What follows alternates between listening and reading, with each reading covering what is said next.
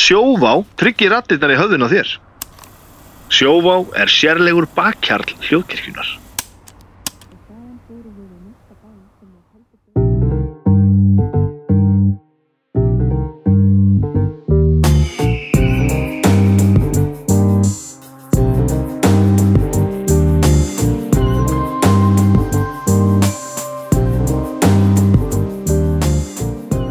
Komið í sæl og verið velkomin í bestu plötuna.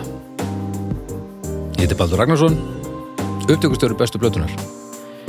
Ég er eh, eigandi mikrofóna, eigandi snúru, eigandi hljóðkorts, formagana, eigandi tölvu, liklaborð, mús, skjár, annarskjár og uh, með þessu öllu saman hræðir ég því sem hér gerist í einhvern svona hljóðgröð sem þið síðan pumpið með tækni inn í hlustirnar á okkur og heilin tekur við þessu og reynir eitthvað og þið verið brjáluð alltaf allir brjálaðir hef ég séð á þessum umræðhópi ég, þið er ekki kynaninn, þá er alltaf eitthvað brjálaður Já, já, ha, sem er gott náttúrulega það var það vittlust en það það er drama uh, hér er þetta að tala um tónlist að hjá mér eru tveir góður gestir Eh, annars er það doktor Arnar Eggert uh, doktor tónlistafræðum Takk fyrir það uh, skoskum tónlistafræðum Ég Skoskun tónlistu frá mig á Gráða, doktorsgráða, fengin frá Skotlandi, Edinborg Hefur nýst mér á Ímsa, Ímsa Lund já, Og hann var bara í eh, Var bara á rástfö Í morgun eldsnemma að tala um hana laufegi já og nú aldrei þess að það var forsýðu, er það ekki? Já, fórsýðu NME já, E. Þannig að ég ræstur út og, þ- hérna þrýf doktorstúskin með mér svona undan já, rúminu já, já, já sjálfsög og, og hleypast af Já, ég fæ aldrei svona hringingar Það er á rauninu Þetta kom svona til að Enda, fullkona mannhæfur Þess vegna er ég bara að stýra þessu hlaðverfi Haukur, Hæ, blessaður Þú ert svona semi-mannhæfur Þú ert vel að þeir en þú ert ekki með dúskin sko. sko þegar að eitthvað gerist og það er hringt í mig sem er Mm. nú gert minna af uh, nú á dögum, þá er ég eiginlega alltaf vanhæfur sko. Já, ok. það, hef, ég, það, hefur, það hefur fallið þannig sko. Nú, hvað er bara ég er bara að- eins og það var til dæmis hringt í mig þegar að Pete Steele úr Type O Negative dó Já, og ég kunni ekki við að segja við blaðamannin að ég væri nú ekki sérstakur aðdáandi þannig að ég bullaði bara út um raskatið á mér ok, næs og var tekin á beinið af aðdáðum sveitarinnar Já, flott Eh, ég man eftir eh, að þetta hafi gæst nokkrum sinnum og, og það hefur ekki, eins og ég segi, við ringt í mig mikið svona hinn síðari ár. Það er ekki hringt í því til þess að fjalla um svona nýja listamenn, svona pop, icon ný og eitthvað Nei. Nei, En doktorinn, þú fær þau síntulega eins eða? Já, já, Ertu vel að þér í, í til dæmis ungum og upprennandi popartistum? Já, já, já, ég, eins og í morgun með laufvegi, sko, það var Já. lítið vandamál fyrir mig að setja það allt í samhengi, sko. Mm. Og síðan er ég komin í nokkuð góð mál að því að allir þessi menn sem ég þekki nú inn og út, allir þessir 60s og 70s gaurar, sko, þeir Mhm. eru allir að deyja núna, sko. Já, já. Já, meina þess að, er það meina að er að fríast tími?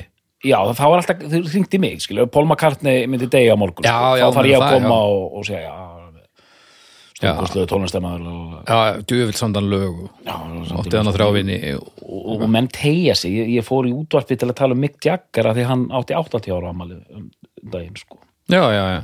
Þannig að menn, ég, en ég bara bara geta að tala um tónlist ég stekka á öll tækifæri sko Já, brjálað að gera í businessnum. allt vitlust sko Já. Þetta er einmitt, það er heppilegt, við ætlum einmitt að tala um tónlist í dag já, heyrðu, alveg rétt, og, uh, og Haukur, þú ert ekki minna alveg rétt mikilvægur þó þú sért ekki með dóttorskráðu. Nei, nei, Og ég, til ég, dæmis sá sem ég, að- ég stend mig betur þegar að ég hef aðkomu að vali á viðfangsefni. Já, og þú syngur riffin. Þú veist, þú ert, þú ert allt í öllu þar, sko. Já, já, ég verð að syngja, já, já, já. Þú ert músikantinn. þessi riff syngja sig ekki sjálf. Sko. Nei, það er alveg rétt. En verkefni dagsins er eh, stórt? Er þetta svona millistórt? já, Eða er þetta... Ég myndi segja millistort en samt svona uh, óvenju miklar uh, íslenskar vinsældir. já Já, og ég býst við miklu meiningum ok. ég myndi segja að vera milli þess að vera stórt og millistort Millis að vera stórt og millistórt? Já. Milli, millistórt. Mill, me, me, eh, þetta er svona norð-norð Stór millistort Stór, stór, stór millistærð stór millistort Ef við erum, ef, ef, ef við yfirfærum hérna bresku innrásina á pönkið, Mm. þá, þá erum við í einhverju svona kingsstærð. Það ekki? Mm. Já, Jú, getur verið sko Við erum ekki í Stones eða Bítlastærð. nei Við erum heldur ekki í einhverju, einhverju Hörmanns Hörmett dröllu. Rólaður Við erum Þó þú sért mikilvægur, í það var ekkert mál að kings. rekka það, sko. Já. Þessi, ég, var- ég var síðast að tala um það í gær hvað þú væri mikill fokking fáið til fyrir að hata Hermanns Hörmynd Sem er í, bandarískir eða ekki? í þessu stúdíu hérna við Flosa hann var svona mitt á mill okkar einhvern veginn en meiri segja hann sagði bara þú veist, No Milk Today er augljóslega mestarverk Ég skil eiginlega meira að maður dýrki þetta band heldur en að maður hafi svona ekkert sérstakar skoðun á því, sko. mm. En uh, við geymum þetta fyrir Hermanns Hermits þáttin. sem er yfirvóðandi er hann ekki búinn? Nei. Nei. Herri, en um, Já, í dag þá hérna ætlaði að ræða bestu plötu Þesta Ranglers Vestur Angles Mhm. og Já og Hvað vil ég segja? Þetta er, sko, ég vil líka byrja, sko, þetta er, þetta er ein, þetta er dálítið einstakt Ok, Það er eiginlega hliðstæðulust, sko nú að ég held já, að því ég held sko að það er- þegar talar um punk, hva, hvað segjum við? Við segjum Ramones, Dead Kennedy Sex Pistols mm. Klass. Glass. já, Klass, Emmitt Strangles er alveg hafna með Já. í mixinu, en Strangles er samt ég ætla að koma með bombu strax í byrjun þetta er fyrst og fremst rockljómsveit sko. ég Já, ætla bara að segja það fullum betum Já. Þegar þú- fyrst og síðast er þetta rockljómsveit sem var starfandi og naut góðs af þessum anda punks punksins Já, Ég held að þetta sé rétt sko. Ég held þú er að fara að lýsa þér yfir- yfir að að þeir væru hérna, pöngsveit hins vandláta. já, það gæti alveg átt við líka sko. En þessar svona kannski uh, þessar, þessar rosalegu vinsaldir hér uh, svona í, í samhenginu uh, eru að miklu leiti held ég út af því að, að þetta er eitt af þeim örfá hljómsveitum sem að komu hingað í gamla daga Já, já. á hátindin já, á, þú veist, uppleið í rauninni. það hjálpar Það hjálpar og, Já, svona að, og við eigum svolítið í þessu já, það er þú veist, svoleiðis. fólk er ennþá að tala um strangler skikkið hérna 78 Já, bara, þetta er bara það talaði um þetta í sömu andra og seppelin tólegana og reitsakins masín, þú veist Já, já. hljómsveitir bara með eldflögina í rassinum og höfðu fyrir því að koma hingað já, akkurat og, og bara einmitt svona tónleikar þessi ein- einstaka eh, eða sérst uh, þú veist, einmitt bara tónleikar með strangleis á Íslandi og kemur öllu í gang að þetta er alveg hárreitum tíma, 78 sko Já. Þú veist, fræflarnir kannski aðeins byrjaðir en síðan fer þetta alltaf af stað kannski tveimur hún síðar sko Já, og svo var, var sagan ekki þannig að þeir fóru sérni fótbolta við aðdáðudur hérna, eftir gegið eitthvað svona miðnættur bolta ég heyrði það Já, og, já ok og Það það, er er all, það er alls konar sögur að hefna, þeir hafi sem sagt, þeir- það er búið að skrifa dálítið um þessa heimsókn að það var breskur blaðamaður með í för eitthvað og hérna stranglis réðust á hann held hann niðri og kvóldi hann heillri vodkaflösku Mm. Þa- þa- þannig til hann dó sem sagt áfengisdauða mm -hmm. skellt honum út ældum í hérna, hjólastól og kyrðan hann um, um keflaugur stöðina sko. í góðu Já. grunni sko. Ok, og þeir voru sem sagt, þetta voru mean motherfuckers sko, stranglis sko. já, já, þetta hljómar allavega ekki eins og Þetta hefur ekki verið næs nei ekki næs Hvenær bara- ætla hann að við vaknað? Í flugin einhvern tímann þetta var svona Í... Djöfull er þetta líka undarleg hegðun í ljósi þess að á þeim tímapunkti var einn hljómsveitamæðlumur 40 ára. Já Já Þú veist Ég get alveg hugsað mér að gera þetta næsta ári Ha? Sko þar að við erum með hérna, þú sé, punk hins að vandláta hendum fleirinn í mixið, mjög vel spilandi band, -hmm. allir með eitthvað svona mentarætur, þú veist J.J. Burnell bassaleikari var sko klassískur gítarleikari Já, Hugh Cornwell, gítalegur söngvari, hann var á leiðin í doktorsnám í eðlisfræðið einhver áleika í Svíþjóð. Já, uh, Dave Greenfield orgelmelurinn, bara svona progghundur og síðan trommarinn sem var fættur 38, þannig að hann er fertugur fyrir um ísbúðar hérna, eh, rak ísbíla rakkar ísbíla hann rak ísbíla Hann átti svona ísbíla Flota. eld- flota, Já, flota Ísbílaflota ísbíla flota sko og, og svo í strangles og, já, og síðan bara stopnaði strangleir og skráði strangleir 74 Seldan flotan eða, eða var hann svona Já. mallandi í Mm. bakgrunni? Eh, Þeir, þeir notuðu hann undir, undir hérna, rótið, eitthvað, já, eitthvað hlutaflótans Ok, Mm. og Eh, og, hann og seldu ís líka. á geggum Eða þú veist, þeir, þeir kerið í bæinn og voru með allt dótið og, og, og svo seldu þeir ís. Ertu bara að segja eitthvað? Nei, ég, la- ég, þú veist, ég lasi þetta eitthvað stær, ég veit ekki hvort það er satt. En sko, hann var, en hann, hann sem sagt, hann að Jet Black, trómuleikari, naskur uh, businessmaður, skráir hljómsendina sem fyrirtæki, 74, Ok, og hann hafði sem sagt verið að tromma sko late 50s og 60s. Mm. Hugh Cornwell hafði tekið þátt í hérna, sko, var í svona hippa rock hljómsendum. mm. Þannig að þetta eru spilaði hljómsend með gítarleikari sem heitir hérna, hérna, doktorinn pýrir augun Ó, býtu, býtu, já, hérna Nuttar hann aðra Þetta kemur hérna, Yngvi Malmstín. Já, þetta kemur en hann, hann spilaði í, í, í hljómsveit með hérna Kemur þetta í dag? Já, já, já, e, e, kannski á eftir sko já, já. Þannig að þú veist, þannig að þeir að dubla og, og- og er að spila rock og roll eru eiginlega allir svona, ja, svona 7 til 10 árum eldri heldur en bankarannir sko.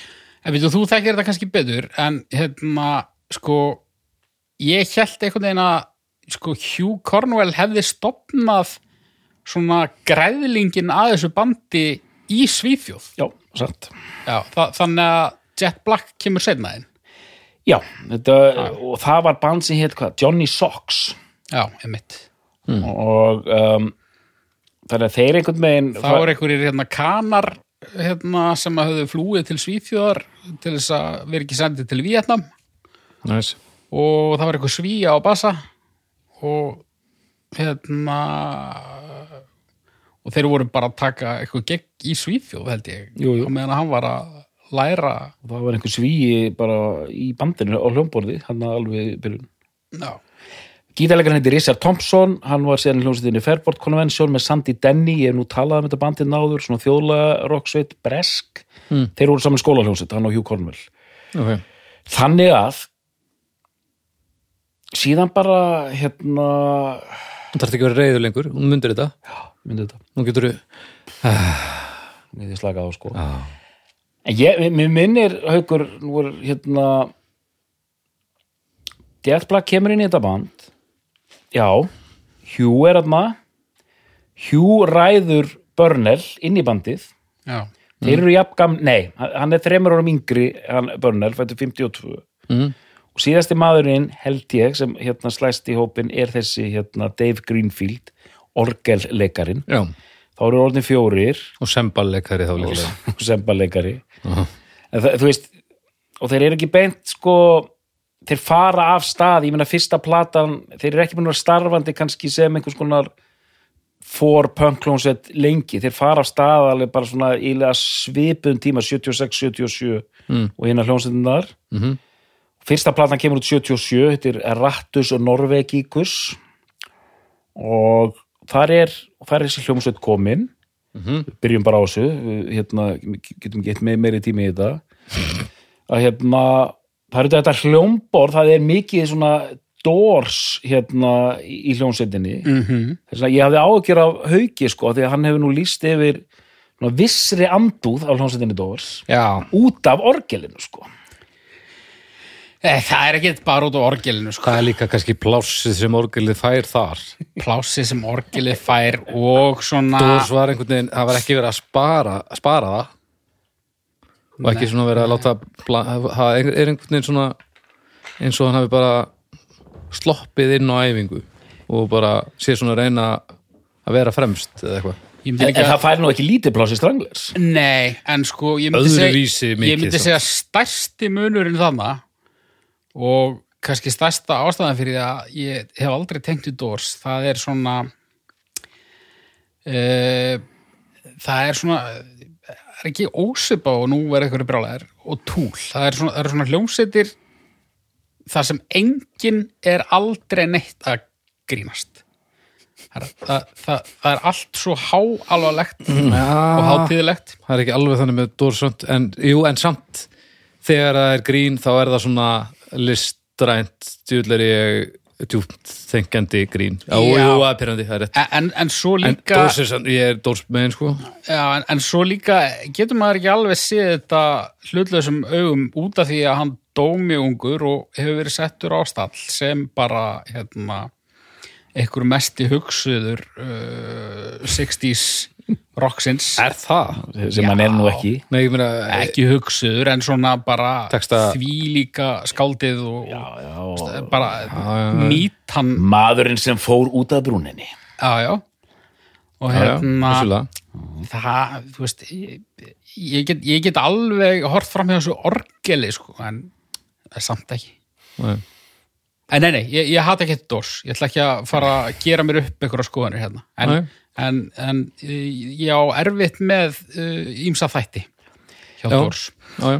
en eh, höldum áfram sko En það er, maður heyri dós og ekki bara í, sko, maður heyri, heyri það ekki bara í orgelinu hjá Strangles, maður heyri það líka bara stundum í lagasmiðun. Mm, já, já, já, já, sko að því að einmitt, þeir eru að gera svipaðan hátt og dós, þetta er svona svolítið gothic, þetta er svolítið svona doubling with the dark arts, hérna, það er skuggi, það er rökkur, uh, þegar þessi fyrsta plata kemur út, 77, sem er bara svona, svona hápunkt pönkár, bara hvernig þeir lúka á, á sko umslæðinu, er mikið punk sko Já, já. og þú veist mikið með leðurjakkar og það er allt svart þarna hljómsveitin heitir Stranglers þannig að hérna þetta er alveg í þessum potti en þegar maður hlustar á þessa plötu Mhm. ég, ég myndi segja að það er eitt lag sem er og líklega all- ég ætla að segja hreinræktaðasta punklegið þeirra er London Lady Ok, sem er svona replarocks lag og svona illa sungið á honum Börnel þarna og en hitt er sleppur undan einföldum skilgreiningum og, og í undibúningi þáttarins við vorum að spjalla saman í og haukur að hérna það er ansi margt í þessu dæmi strangleir sem bara sleppur undan eðlilegum skilgreiningum sko. það er aldrei erfitt að pinna þetta niður sko já, og ég veit ekki, þú veist, þetta er ekki að þetta sé dansiballaband að smikla sér inn í pönki, það er ekki þannig sko en, og við komum skal- kannski betur að því síðar að strax þarna eru, eru byrjað að koma einhver, einhverja furður það sem er sko talið upp hérna er til dæmis punkrock, new wave pubrock og artpunk artpönk er ágætis, ágætis skilgjörling sko. og ég meina, og, og allar þessar stefnur gætu, þú veist, farið í slag við hvoraðra, Já, já. ég er náttúrulega ekki ennþá búin að kosta því hvað nákvæmlega pub rock er pubrock samt útskýrði hérna, Arnar það fyrir mér í þætti þessum daginn Mm. mér finnst þetta, mér finnst þetta fíblaleg tónlistastarna þetta er ekki tónlistastarna nei, nei, pub rock já, já, við vorum bara að lifa með þessu en, hérna, en hitt hitt megar allt senn sko. en þessi fyrsta plata er, þetta er hittari strax eða hvað?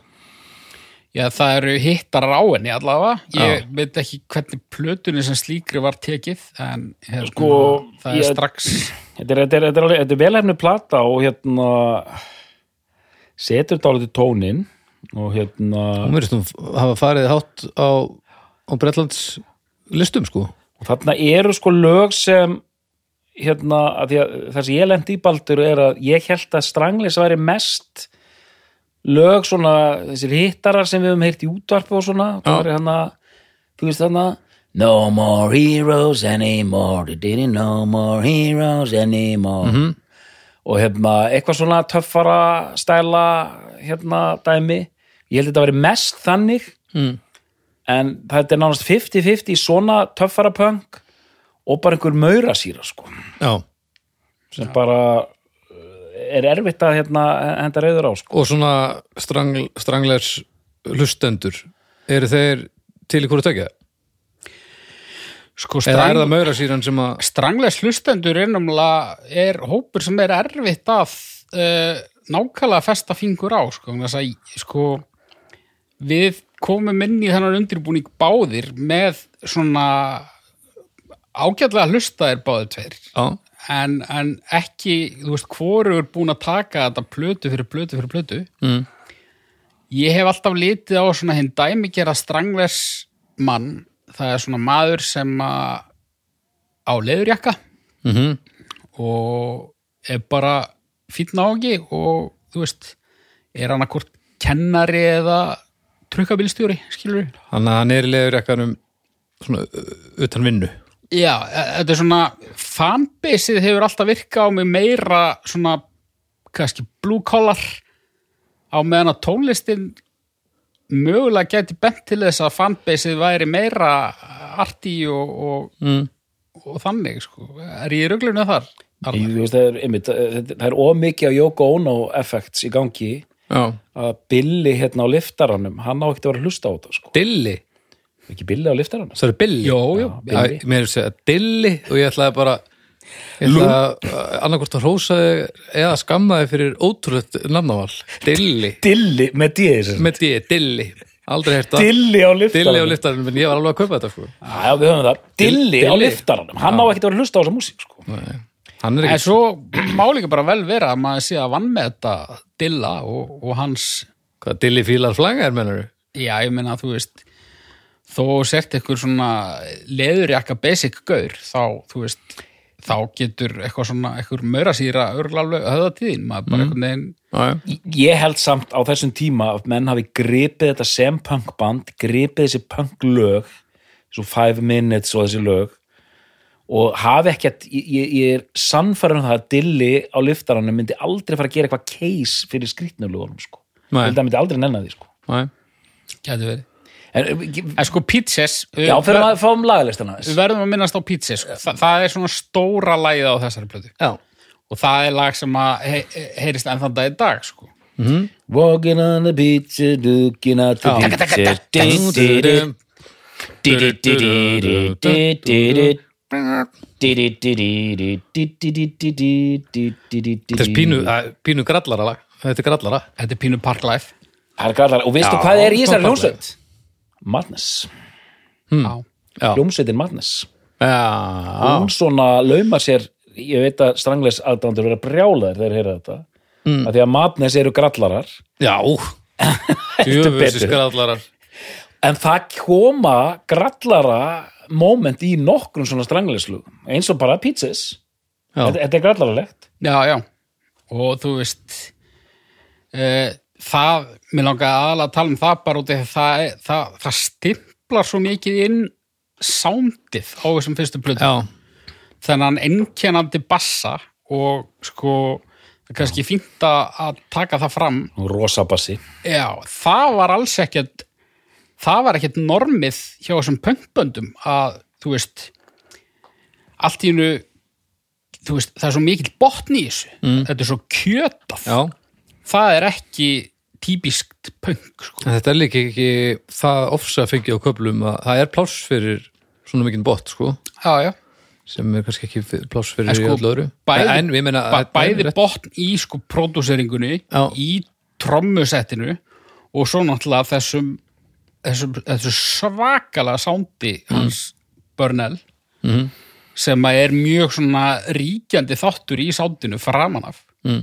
og er það ekki rétt hjá mér? Er það ekki sánd sem að menn og konur hafa hermt eftir alla götu síðan, líka við? Jú, ég heldur þetta var alveg styrlaður bassi sko, ég minna að við erum með Börnel Íslands, hérna Jakob Smári Já, hérna Das Kapital og, og það allt sko mm. hérna neða, ógeðslega töff og, og, og grimmur bassi og það, það er margt, einmitt, það er svo það er ímislegt í þessari hljómsveit, hún er svona grimm og, og en líka þetta, ég meina, pizzas, hvaða lag er þetta? Þetta er, það er grallaraskapur það er, það er svona smá karnivalfílingur líka sko, mm.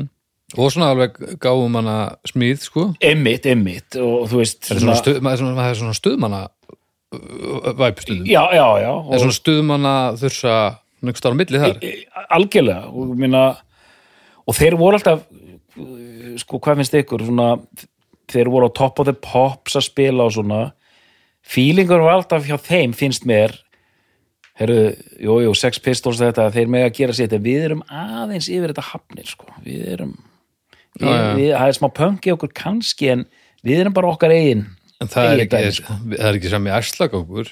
nei, Nei. nei, nei þetta er Við erum, við erum við stjórnina. stjórnina, sko Ah. Hún er að- Já, já, ég meina til marksum það hvað þeir voru mikið við stjórnina að, að setna á ferlinum þá ákveða þeir bara að byrja að nota heroin allir. Bara, Já. það var eitthvað sem þeir ákvaða að gera. Hvað, bara stjórnin? Bara stjórnafundur? Já, örglega. Bara, Heyrðu. heyrðu, hérna, nú erum við að fara að gera plötu. Er það er bara fjórum út? Nú ætlum við að... að- Þrýr sem segðu já, þannig að En hérna, út með æðarnar. en má ég sjá lagalistan aðeins, það byrjar hérna Sko, sometimes. sometimes, það er mjög gott lag já, bara mjög flott byrjun Goodbye Toulouse.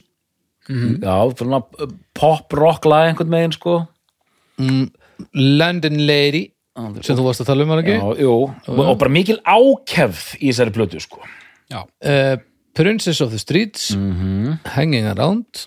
hang around, það er, það er svona það er smellur hittari. Já, hvernig það? hanging around, hanging around just hanging around hanging around dí, dí, dí, dí, dí, dí, dí, dí, dí. Nú til þess, uh, þið náttúrulega sáu það ekki, kæru hlustundur, en, en þarna leitaði doktorinn í að þykast að spila á hljómborð, Já. sem er kannski ákveðið merki um að þetta er alveg jafn ríkjandi og dór, sko. ha, og það kemur einmitt, það- það- þetta er svona barið inn í endan þetta dín, dín, dín, dín, dín, dín, dín, dín love me two times. Ah. En sko- nákvæmlega Eh. En þó við kannski, við erum ekki fara að taka allar plötundar svona Nei, nei, grúpið fyrir, en út af því að við erum svona að reyna átt okkur á Já, ég bara- hljó- hljóðheiminum. já Já. Peaches, Þú- þú- við við opnum bérlið með Peaches. Já, þú, þú talar um ákjæðina. Já, Og það er eitt sem að mér finnst svona mjög einkennandi fyrir þá og, og uh, ítir undir ákjæðina. Og það eru, sko, það eru trommunar, ég veit ekki hvernig ég á að útskýra þetta, en það er í sko 90% laga þá byrjar Jet Black á trommutakti og hann heldur hann út gegnum allæð. Mm Einstaka breyk Já, en þú veist það er, það er eiginlega aldrei það sem að kemur eitthvað millikabli og trommunar hætta Nei, eða hann fer að gera eitthvað annað þetta er bara hann neglir taktin og þetta er pínu bara eins og íta á eitthvað hérna, skemmtara taka sko. lúpa. Já, ne nema ógeðslega góðan skemmtara taka Já, hann bara, hann heldur taktinum út í hann allæð og Börnell hættir eiginlega aldrei heldur að spila Hmm. Mm. þetta er svona ef að það andar eitthvað þá er það um gítarinn já. Það er bara gangandi grunnur þarna. já, meir og minna já. þannig að Og- smá vel í þessu og svo list ofan á já, í rauninni já. þetta er tilluð ve- vel þetta er- er nefnilega sko og, og það svona kannski uh, verður meira ábyrrandi nokkrum plötum síðar en, en það er eitthvað svona það er eitthvað svona vélrænt mætir lífrænu dæmi í þessu sándi velrænt mætir lífrænu Já, og eins og- þetta er plata sem þú eru að gera haukur ég held það. en, en eins og ég segi sko, tilluð eftir að elska hana Og The Jet Black er, þú veist, þetta eru robotískir taktar en og, og, og jafnvel trommuleikurinn en, en sándið og einhvern veginn einstaka slaufur gefa þessu svona human touchið einhvern veginn. og það er kannski eins og, eins og, eins og ég sagt núna, þetta eru, þetta eru góða greiningar hérna, að ef það er svona flottur velrætt verkamanna vel undir kannski er það það sem er að gefa þeim þessa möguleika, þú veist, þetta er bara, bara, þetta er bara góð hljómsveit og þá geta þeir svona það virtist aldrei vera neitt sérstakur áhugi hjá þeim á að, að, að reyna að endurtaka sig eða viðhalda vinsældum Nei. mín kenningu svo öll þessi lög hafi slýsast til að verða hittarar ég held að það hafi verið menn sem hafi aldrei reynda sem ég hittara og þú veist, mér finnst þeir oft vera algjörlega viljandi bara við gerum nákvæmlega það sem við viljum ég er ekki endilega að segja að sé hetjulegt og hugra það er bara svona, það er eitthvað bara svona fuck it all, bragur á öllu þannig líka sko. Já, það er ekki hetjulegt en það getur verið ógeðslega cool já, og það er mjög oft í þeirra tilfelli cool ég meina þeirra langstæsti smellur Golden Brown já, þeir fylgja honum eftir með sko 6 mínúna singli sem er allra á frönsku já og okay. leibelinu leist ekkit á það og þeir ótrúlega náða grænja þetta í gegn sko, bara, þú veist já, já. og þeir hljóta að hafa vita það að það væri ekkit vitið í en En þeir þeir, gerðu það fá, nú samt en þeir fá drullu gott start þarna, þú veist, platan er vel liðin Já. Ég sé reikaugunni það, Robert Smith nefnir hana sem einu sinum uppáhaldsblöttum þarna já, og, það, og það er pizzas og síðan kemur Hvort sem hérna, það er á þess, þetta time, nei, það er ekki, það er samt setna, þannig að þeir eru nú ekki, Maður sé- það hérna er ekki fyrir 85, já. maður svo bílir, það er pizzas get og a síðan grip, já, on yourself, aha, ugly á, og down the sewer, Já, sem já, er já, falling down in the sewer, trying to get out again og rats rally. og þetta geta gripan og sjálf, það var fyrsti singillu þeirra Já. mjög skemmtilegt lag Okay. að þetta er velhæfnu plata þannig að það, það er eh, ekki nema vona sér tekið eftir þessari sveit sko. Nei. Enda er ekki beðin eitt sérstaklega lengi eftir ég að hendi í næstu. nei, nei, það er bara nelt í það verið fjórum mánuðum síðar og þeir, þeir tóku Það er þær upp rosalegt. á sama tíma Hvað serðu? það eru teknar upp á sama tíma Ok, gott. Af Já! því að- Af því að ég, ég fólk voru skynni í að ég bara... stúdíó drullu, drulluðu öllum lögunum og bara skiptiði innur á tværblöður Já, ok. það var bara þannig Ok Og eh, það er platan Númur Heroes sem kemur úr 23. september 1977 já, Hvað segir mér um þessa? voru þetta lögseðin höfðu æft upp á, á pöfnum ég bara þekki það ekki sko. Þessi plata, eh, hún er ekki skráð sem pub nei, þetta Hérna erum við með punk rock, new wave og post-punk já, ég held að sé erfitt uh, ég, ég, sko, já, einhvern veginn útskýri pöpparokki, þetta voru bara svona venjulegir gaurar að spila gróft bluesrock inn á einhverjum pöppum í útvíðum buksum sko. já, Þetta er tekið upp í sama sessjoni og síðasta plata en svo er annað sessjón í júni og júli greinlega til að klára hana ykkur, ykkur á viðbætur Já, þetta er grimm platahaugur já, en þær eru mér finnst það rosa svipaðar sko. okay. uh, og, og ég ekki á slæman hátt sko. mér finnst þær bara hérna, ég, náttúrulega, ég er ekki múin að spyrja því Doktor, þú ert að koma með plötunum sem er valin eða hvað? Já, ég vel Já, bestu já. flötuna Ok, ég var bara, ég var bara að velta fyrir mér að þið er svona uh, ég- ég er oft er ég fljótur að lesa í það en þið eru samt svona, báðir Já. alveg svona að því að við erum báði búin að gleyma ég, ég bara man ekki Hvaða plötu hver þú setti valdir? þetta inn sko. Já, já, já, já. oft er þetta bara, bara jú, við verðum að, verðum að taka þetta band Mhm. og getur verið að haukur hafa setti þetta inn sko, en já já. allavegna, uh, já, þannig að ég vel bestu plötuna, við erum komin að No More Heroes þetta er svona, í ákveðinskili hún er ljótari þessi plata sko. já, Ok, það er svo kjartan galdrakall sig að mixa hana sko. já jaha sko uh, kannski fínt líka að tala um það það, það, það var aðeins talað um það á fyrstu plötunni en, en, en líka sérstaklega á þessari út af tveimur lögum að, að þeir voru gaggrindir á sínum tíma fyrir sko þeir þóttu daðra við uh, rasisma Já, og þeir þóttu sína kvennfyrirlitningu ok uh, rasisma dæmið það er mikið til út af fyrsta læginu á þessar plötu I feel like a walk Ok, og það er sko það er lag sem þeir segja sé ádela á rasisma og mér finnst mjög erfitt að skilja lagið öðruvísi ok en uh, mögulega var svona þú veist, kaltæðin bara ekki að skil, skila skila, sér, sér, þú veist, nei. þetta er sungið í karakter mm. og þú veist, ég er ekki að, að reyna að halda því fram að, að- að það hefur verið gert fyrst þarna Nei. en ég held að heimurinn hafi verið minna einhvern veginn hérna, það hann var minna præmaður fyrir þannig Já, óvanur, Nálgun, sko. óvanur svona já, listrætnin nálgun já, en hérna ég er ekki kannski alveg með uh, svona fín skilningin á því hvort að hvort að það sé eitthvað í, í textanum sem að er algjörlega óverjanlegt út af því að ég er náttúrulega, þetta er ekki mitt móðurmál en uh, hvernfyrirlitningin uh, þú veist já, já, þú veist, það má í rauninni alveg segja, þannig verið að tala um sko lagið Bring on the New Biles Ok, og þeir voru einnig gaggrindi fyrir Pizzas emitt sem að er sungið í svona, eða svona perrakall að syngja Perrakall já, Ok, en þú hefur nú samið lag sem Perrakall ég hef samið lag sem perrakall Ég hefur sko. samið lag sem Perrakall já,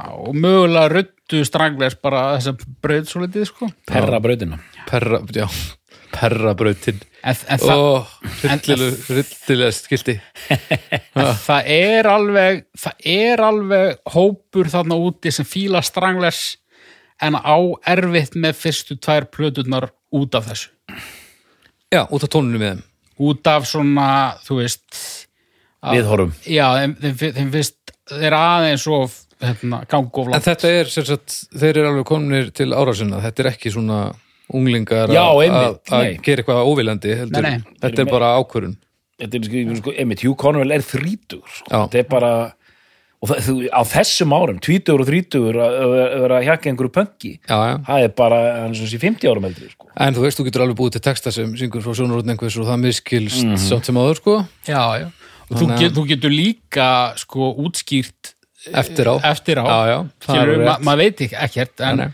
en þú veist, þetta eru klárir náungar, þannig að ég kaupi svo sem alveg þá skýringu að, að þetta hafi verið ádeila sko, ef ekki að, að þetta þá- hafi þá mögulega verið eitthvað svona grall. Ok, en sko eins og þarna eh, þú veist, ég var að hlusta, ég var að hlusta á svo plötu í fyrsta skiptirunni þrú en þrú já, fyrstu þrjú lögin eru einmitt, þau eru svona, þau eru skítu og ljót og einhvern veginn velt, kútveltast áfram einhvern veginn sko. I feel like a walk, bitching Já. og dead ringer Já, þetta er bara svona Ah. sko, byrjunin á I feel like a walk það er bara mesta pungspark sem ég hef heyrt sko, Ok, bara hvernig þessi plata byrjar ok og, en síðan koma lögin svona Bring on the New Biles Já, svo kemur sko Já. Dag- Dagenham Dagenham Já, Dave, Dagenham Dave.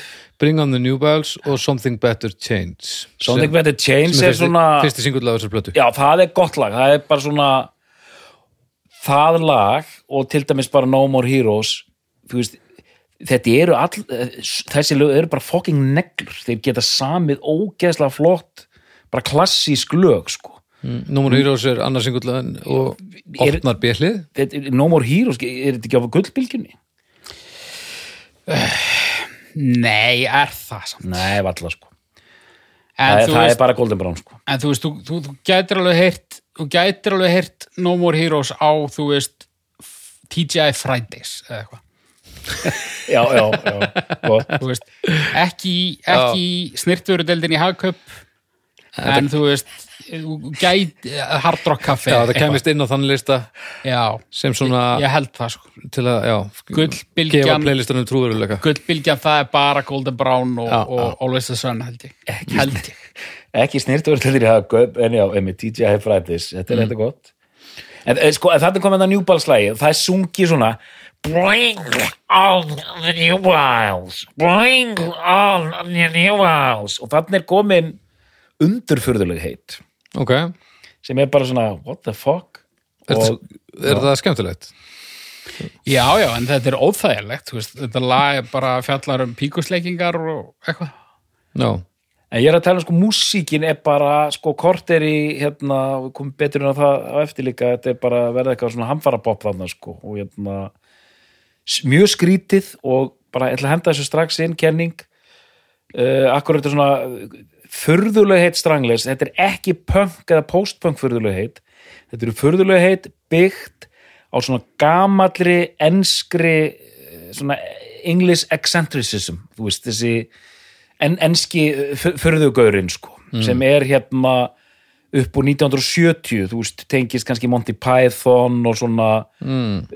svona eh, enskir förðufuglar sem voru kannski að gefa út einhverjar eh, förðulegar þjóðlaga plötur 72, já 73 held áfram að taka síru Þeir held áfram að taka síru, já. Já, Þe- já. þeir eru algjörlega strangleis að taka um þeim potti þegar þeir eru að gera furðulega músík. Þeir eru ekki að taka úr einhverju nýju hip og cool Joy Division dæmi, sko. Já, já, Ég, ég, ég sammála þér þarna, Já, en setna fara þér alveg, eh, fara þér í, í art, artfart vant maura síru. já, já, já, já, Fi- finnst þið það ekki? Jú, og eru greinilega hlust á kraftverk sko. þannig að það er alveg, alveg, alveg, alveg, alveg, alveg ljóst ok en hérna erum við með No More Heroes og Peasant in the Big City uh, Burning Up Time, English Towns og Schoolmen Sko, ég- þarna og, og ég held reyndar að með allar plötunar, það er engin plata þar sem að ég sko get kallað fram hvert einasta lag og muna hvernig það er. Ég er ekki það vel skólaður. Mm. En hérna, en þessar fyrstu plötur, sérstaklega fyrstu þrjár, þær eru bara solid, sko. mjög gott uh, þriðja, já, það er uh, árið síðar black and white 12. mæ þannig að þetta er alveg maður hefur bara þurft að býða fokking eilífu Ah, Nei, Ha, þetta er rosalegt sko þetta er bara rugg, þetta er áttamánuður eða eitthvað Eh, því líka óþjónusta þetta er bara bilað, þarna sko, þessi plata er nú bara dálítið íkonísk sko black and white coverið, glæsilegt geggjað cover, já Alveg Djú- geggjað. bara Frans Ferdinand myndu glæðir gefa þetta frá sér í dag nákvæmlega og svo fyndið að Burnell og Hugh Cornwell unglingarnir eru í svona geðveikt arti pósum hann til vinstri mm. sem stendur hann bara eins og einhver skipstjóri þarna fremst, Get Black hann er bara svo skipstjórinn í Simpsons Já, já. og, hérna, og síðan hann orgalmelurinn hann bara Eins og Eiríku Fjallar. hann er rosalur, ennett ennett Eiríku fjallarinn þetta er alveg hérna, þetta er svolítið lýsandi í rauninni bara, þetta er svolítið furðulegu samsetning í þessu bandi sko já, og maður sé, Börnel var alltaf með þetta það er bara sést hver er art í gaurin í bandinu sko. Já, já. hans samti furðulegustu lögin gaf út svona furðule- furðulegar sóloplötur og svo framvegis sko. mm. en þetta eins og, eins og hlustendur hafa séð ég, ég tefli þessari plötu fram sem bestu plötu stranglis Ah. aha það er þannig svo, ég- og svo ég sletti rækilega þetta er svona fyrir mér the sweet spot ok, þarna er bara geðveglög hana og tilrauna maura síra sem gengur mjög skemmtilega upp og raun eftir þessa plötu þá finnst mér þeir vera farnir of mikið í byli að minnstu kosti í einhverja tóma villjósu hvað í þá arti leðina já, já, já það, Þú það, veist, það, erum við þá dottnir í hálfsklúta bara alveg eða hvað er að já, gera? og það er förður þetta doktorinn hérna sem, sem hérna, hefur viðkjönt það að hann þurfa að hlusta á tónlist sem er búin til úr hérna, hérna uh, djúbstektum núðlum og spilað á hörpu, hátstilta hörpu Já, að ég fann að ég var farin að kvarta yfir því að Stranglis var að gera furðulega músík sko. já, og taka þessu vagnandi já, já. hvar, hvar, hvar er kreditið hans Arnars? það er bara að fara út um gluggan sko. já þetta er elli glöpp. ég, ég, þetta er- ég er farin að tuða eins og einhver, einhver, einhver afi hérna, þetta sé, hvurslags furðulega heit eru þetta? Þetta er rætt. þetta er alveg, maður heyrir ekkert hvað hann er að syngja Akkurri. Ævui. en, en þetta er bara sweet spot, hvað segir þú haukur? Þetta er langt besta plata. Það er þannig. já, Nú, já. Og hérna... Þar fór það. Já, já. þar fór það Bara... Takk fyrir og... aldrei neinn spurning sko. Já, ok. eða jú, það var spurning það var, hérna, það var önnur plata sem kom til greina en, en, Koma henni síðar eða? já, en, en, en nei svo bara áttaði ég með því bara nei, ég, þú veist Var, ég eða var hafði þetta bara, ég valdi bara rétt fyrst Ok. og bara, hérna, engin spurning pós? Ok. besta platan og þetta er það er, ég, ég, ég hef aldrei heyrt held í plötu sem ég fyrir sánda, jável Já. ok. Bara aldrei. Já. Ok. Það, það verður að talast meðmæli. Eh, Þessi hver er að- plata er- Hver er að að mixa? en hún þetta? sándar mjög óverjulega Production, Martin uh, Russent. já Martin Hann- Charles Russent. hann, hérna, Martin gamli rössend, hann lá Human League og uh, Fleetwood Mac T-Rex, uh, Gentle Giant Groundhogs e, og svo færum við okkur hérna eitthvað áfram uh, við Johnny fyrir Depp, ha, sagður Johnny Depp? nei, nei, Buzz Cox Björn Skoks, já, sko, e, Dr. Feelgood já, Dóttir meira Buzz Cox Telephone já, já, það er eitthvað hérna einhver Human League já, já, það er alls konar hérna. stuðið þetta hann próduseraði Der, held ég Associates, það er brjálega að gera Já, já, bara alveg að gera kallar. brjálega að gera bara próduseraði hann ekki Der e, eða eins og þú myndir kalla hana Skignis, Ói, þetta er leðilegur Ói, haukur var það ekki myndið? Nei, og þetta var pínu fyndið, þetta var líka Ég var, ég var að leita að þessu hætti við. Ég En hann, meina- hérna, nei, en hann hins vegar pródúseraði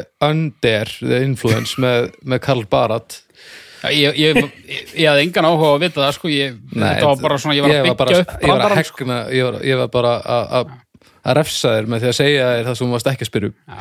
En, ég- sko, en mér finnst þessi plata all sigra á, hún fer gríðarlega vel á stað og eh, við svona fjórða lag er maður bara holy fucking shit okay. en önnur hliðin er samt algjört eh, skilur, það er mikið rugl þar í gangi sko. hún er nánast tvískipt sko. byrjar Ok. okay. þetta tank sem Já. er sem Ofboðslegt lag. flýgur af stað hérna eins og skritir ekki sko bara flýgur af stað eins og og skriðriki Dóttur tónlist það er- það er ljóst tank, veitu hvað er næsta lag? Nice and Sleazy það er næsta lag. sem er fyrsti singull Æ, það er einhver, það er einhver, einhver lag. tilhengja skítur að maður Næ- Nice and Sleazy Já. geggjalag þetta lag seldi mér strangleis á sínu tíma sko. þetta, og, og, og örgulega rosalega mörg Hvað er það? Nice and Sleazy does it Nice and Sleazy þetta byrjar á does it. robotískum takt hérna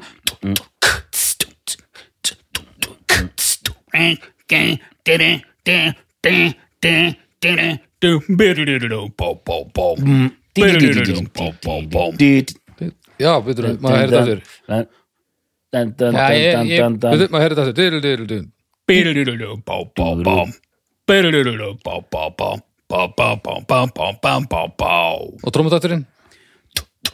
Svo kemur versið svona, þú veist La na na na da da Na na na na na na na na na da da Da da na na Na na na na Nice and Sleazy does it does it Nice and Sleazy does it Nice and Sleazy og aftur svona þetta sampl okkur Nei, matnes ég var bara- grallaraskapur Uh, Nei, Nice and Sleazy, ég var bara aðtöku hvort að hérna uh, Hérna, hvað heitir það? Soundhound já, Soundhound myndi, þú veist, þekkja þetta? já, Gerði það nú ekki, þetta var samt mjög gott í okkur Ég veit hvað laga þetta er núna já. djöfull eiga sko, þú veist, þ- þ- við verum kapslokkaðir í hvert skipti sko, sem við líkjum stranglis við madness, það verður allt brjál Af hverju svona?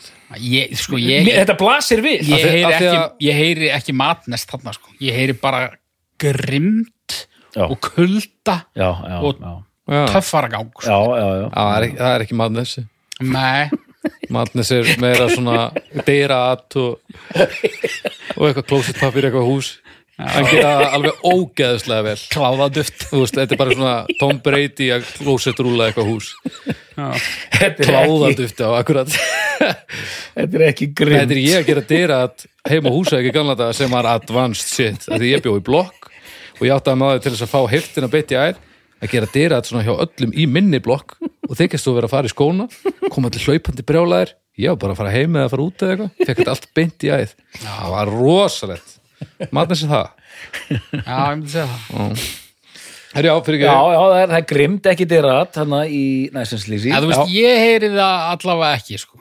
Nei. en, en þú veist, ég, eh, matnest ég, ég, ég kaupi það í, í lægi og lægi sko. en er, fór- er almenn heft uh, út í matnes bara fyrir fýblagang nei, hérna örgla hjá e- frá einhverjum pönkurum, Já. ímynda ég mér sko. af því að þetta svona einhvern veginn var á jæðrinum svona og lagd stundum yfir og hefur farið í töðunar á, á eh, þeim sönnu pönguru Nei, sko, Eða hvað? Madness er mjög vel metin sveit sem svona, svona kjarna ensk sveit Mm. uh, þetta var mikil pólitík hjá þeim uh, líka, þú veist það einmitt grallaraskapur og dyrat en líka, þú veist, verið að fjalla um bara eins og hérna specials um ástandið í Breitlandi þannig að Já. þetta var svona tár trúðsins ef svo mætti segja, sko þetta Ok. er svona eh, hinn Ok. gaggrinandi gestur ok, ok Herrið, Outside Tokyo það er geggjalag, ég, ég man ekki ég man ekki til læginu, en það er samt geggjað ok, að það byrjar á orgeli byrjar svolítið eins og bara ykkur hérna Tom Waits skransala Jú, þetta er já, og svo kemur hérna bassin dún dún dún dún dún dún dún dún dún dún dún dún dún dún dún sem er eiginlega bara eins og sönglínan og eitthvað svona skrítin hægur trómutáttur á offinu einmitt Þetta er svona falleg ballaða og þetta er eiginlega fyrsta lagið eh, þar sem einmitt. er þetta ballaða? Þetta er balluðu kent, Þa, þannig komið það sem ég... Þetta er tvær mínútur sko Þetta er svona, já, þetta er svona, Þetta er mentaskóla ballaða þá Nei, þannig er komið og það kemur miklu meira setna þannig er komið klámynda hljómborð þeirra.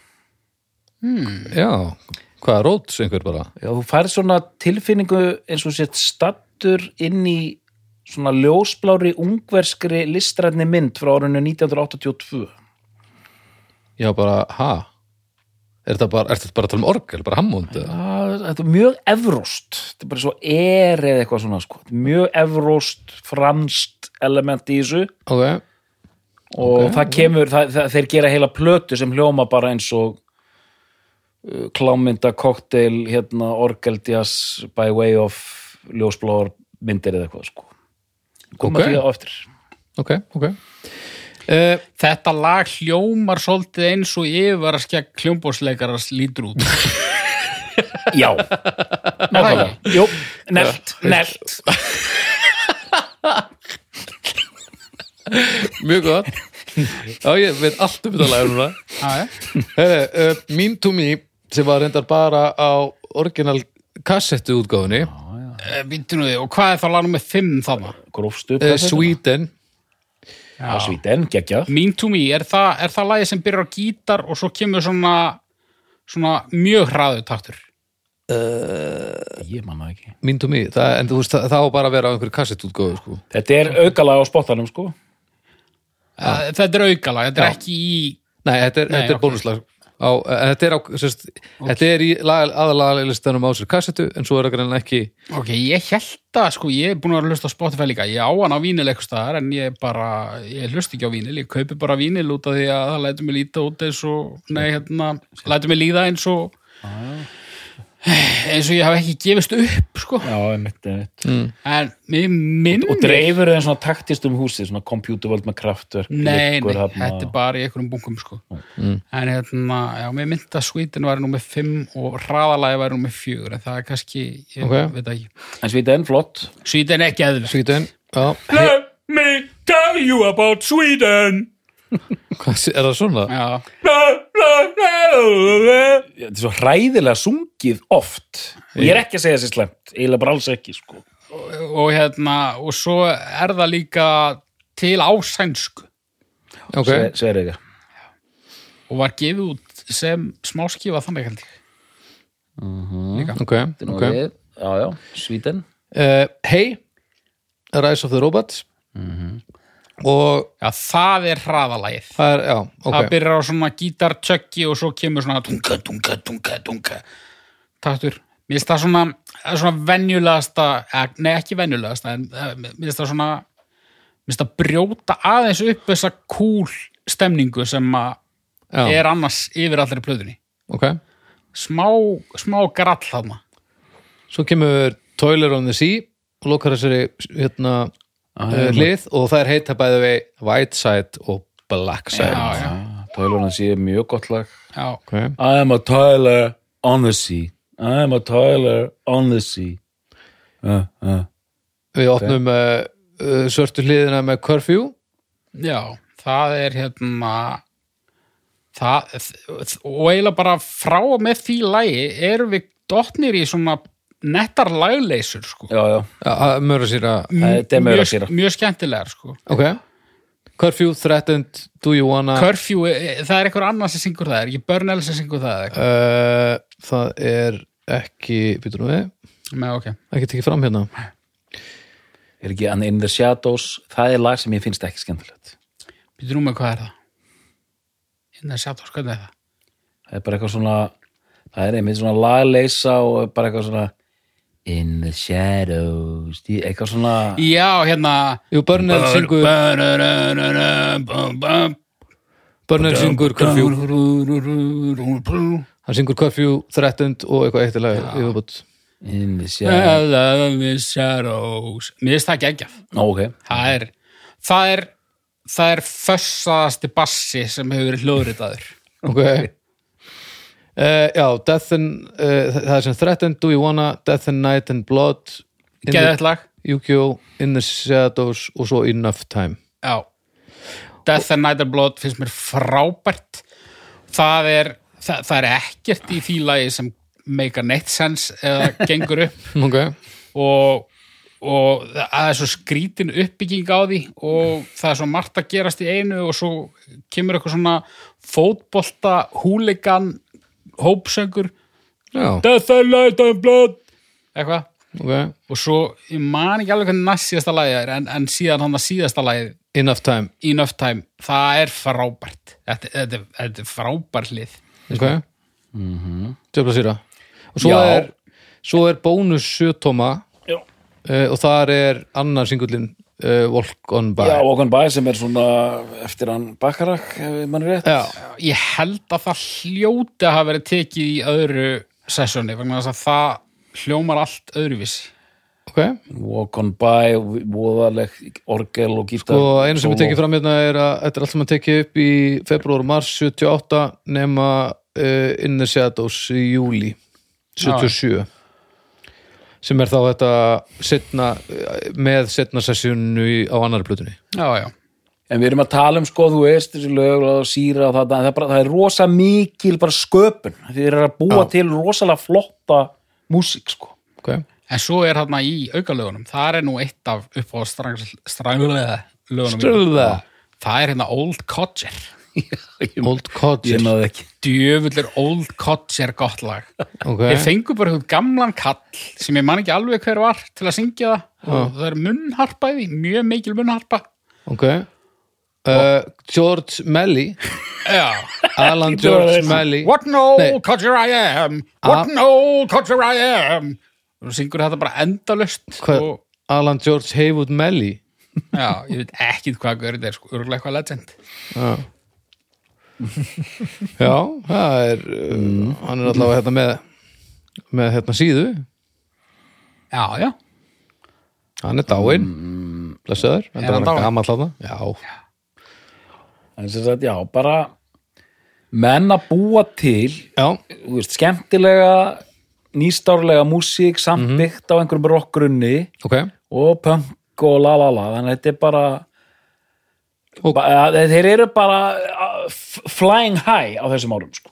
og þessari tekið þá að öllum nýkjöndum helviti vel já, Já, þe- ég- þetta er hún ekki oftast nefnd eða? ég held sko ég held hún sé oftast nefnd en ég veit ekki Rattus er oft nefnd líka sko. Rattus, Heroes og F- La Foili eru held ég, þær fjórar eru þær sem eru nefndar, þetta eru náttúrulega tíu plötur sem tilheyra þessu uh, þessu line-upi Ok, þú veist, uh, þessum Hugh Cornwell tíma ok og, en jú, ég held að Black and, Black and White er alveg svona, þú veist þetta er alveg pínu pitchfork media val hjá okkur sko Ok, en hérna þessi plata er líka sko það er bara eitthvað við það væri sko, ég geta ljóti baldur klippa lögin saman bara og splæst saman einhverjum köplum við einhverja aðra kapla og bara, bara hrættinni saman í einhvern búðing bara eitt lag bara eitt lag Já, og ég myndi samt fíla hana vegna þess að það er það er eitthvað svo mikil svona það er eitthvað svo töff stemning og sound og mm. pælingar á henni sko. ok það, og, og þess vegna ganga þessar lagleysur betur upp út af því að út af því að grunnurinn er þessi ógeðslega vélræni eh, trommuleikur Já, með þessu ofbúðslega sándi og þessi bassi og þú veist og, og, og, sa- svona hljó, hljóð heimurinn á þessari plötu byggir á fyrstu tveimur þetta er ekki, já, þetta er ekki alveg kílómetri í burtu sko Nei. en þetta er bara eh, það er komið þetta ekstra sko. ok en hérna já, ég, ég kann ekki útskýra þetta nógu vel ég, ég geti talað um þetta í 20 mínútur en, en ég er komin út í, í, í skurð þannig að bara uh, ertu sammála ykkur að þessu, doktor? Segðu nei, segðu nei Eh, uh, já, við þurfum að halda áfram já, förum í reyfin sko. ég ég meina, ég meina, Nei, ég var að meina- ég meina Það þegar var bara þú, svo fyndið að þú verið alveg ósámála ert- þú veist, þegar þú ert búin að hlusta á Rattus og Heroes heyriru ekki þú heyriru ekki svona munin á sko grottanum og einhvern veginn kuldanum og hvað þetta er einhvern veginn, þú veist það er svo mikill botn og svo mikill kjöt en samt líka svo mikill toppur já, já, það er, það er engin miðja á þessari plötu ekki nein Mhm. og þetta er já, þetta þetta er eitthvað þetta þetta er svona eitthvað, það er pínu perralegt Mhm. Sound of Honey, já. við, á pínu perralegt svona, já, í perralegu sambandi við sándagáðinni ok, en þú ert að lýsa þessum munin á henni og þessum fyrstu tveimur sko. já, og, og sándið sé ekki, kannski ekki meira finess heldur bara það er bara eitthvað grótti já, bara meiri grotti og bara einhvern veginn meiri töffaragangur sko. herri svo kemur liveplata, 79 já, ég, ég, pff, ég og svo dættu við uh, The Raven. Heyrðu, áður við tölum um það reyfin, þá hérna, sem sagt, ég held að þetta hafi verið, sko, hvenær kemur Black and White út? Hún kemur út að vori, ekki satt, í mæi eða eitthvað. Uh, april var það ekki, nei mæ, rétt segir þú Já, og þeir spila hérna í mæi, já, 78. já, já, já, já, já, já. ok, okay. annarkvort viku áður en hún kom út eða viku eftir. ok, Þá koma þær hinga og, og spila. ok Og hérna, þannig að þú veist, Það er- þetta er negla já, og, og einmitt eins og Arna segir, þú veist, hún er sennilega oftast nefnd sem best ok, og þeir heiður okkur með nærveru sinni þannig að bara, bara þetta er bara eins og ef að Nirvana hefði mætt hérna bara í september 91 eða hvernig hún kom út mm Mhm. skilji Íslendingar muna svona þeir eru Já, svo, þeir já. eru svo þakklátir þegar þeir fá ykkur að bröðmóla Já, segðu Herðu, Reyven Mm. Það eru að vinna með fjóruðu plötuna 15. september 1979 Þarna er, þetta er fyndið sko, árið er 1979, Eh, Joy Division að gefa út sína fyrstu plötu og, og postpunk er að taka við af punkinu -hmm. og þetta er skrítin plata og sko fyrsta lagi þetta er Longships, mm -hmm. það er einhverjum vikingatextar hérna og ég meina Longships er svona og reyfinrunni, það er hálfgjart progg í gangi hérna sko. Já, Já, já, hún hefur verið kölluð einhvers konar vikinga konsept Já. plata Oh. en maður heyrir það svo sem ekkert endilega Nei, en þú veist, þetta er, þetta er ekki það er aldrei hægt að setja þetta í flokk með sko Gang of Four eða, eða Joy Division eða, eða Nei. Public Image Limited það er eitthvað gamaldags við hana finnst mér Mm.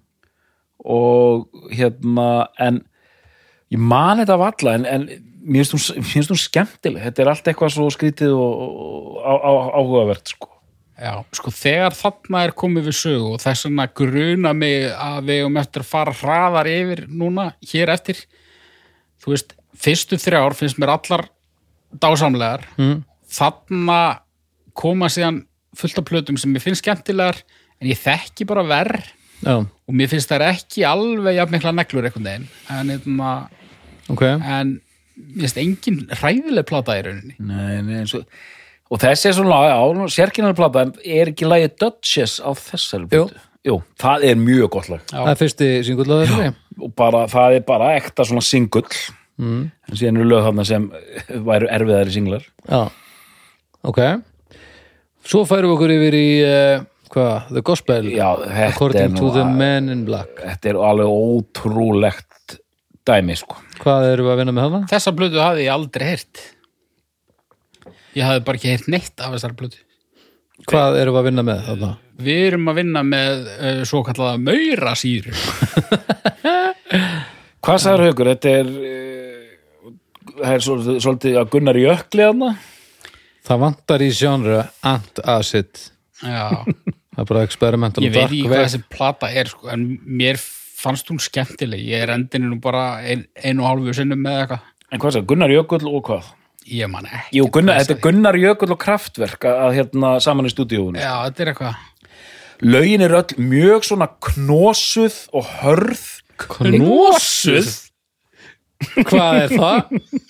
Hvað er Akkur sagður að það er svona eins og það væri eitthvað Er það Er eitthvað? það eitthvað? Er þetta Ég eitthvað? hef sko, nú er ég komin út Það á ætti ha- Ég náttúrulega að vera eitthvað spyr, er þetta Ok, Já, þetta er áfram, ég ætla að googla Já, það Nú er ég komin að hála ný, sko Átni Matti hefur stundum notað þetta og ég hef alltaf skilið þetta sem einhvers konar harka eða eitthvað sé svona fastbundið einhvern veginn, sko ég, ég, Knosa. ég, ég trúi því alveg að þetta sé orð sko. já, já, ég, þetta er þetta Sko ég er held að til. kno- að kno- knosari er einhver aflvél greinlega uh, þá sundur mér og knosar hann þann hinn sama það eftir auðvitað ungbótt þeirra munu knosuð verða fyrir augum þeirra Góðið nú knosaði mig.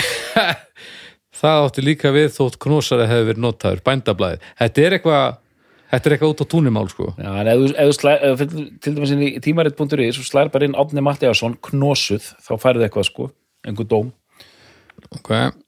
um, en allan ég, ég ætla að tala með hann er að hérna, knosuð, hörð svona alla trómmunir eru bara eins og þessi tölvu taktar og þetta er bara, einmitt, þetta er, hún, hún er einhvern veginn hörð og skrítin og tölvuleg já, já. og bara, þetta er bara undirfurðulegt öll lögin eru daldið vel skrítin, Sko, ég, þetta var heroinplatan er, E, er ekki er, Ah. þetta, er þetta ekki platan sem kemur á eftir soloplötunars Börnell eða hvað?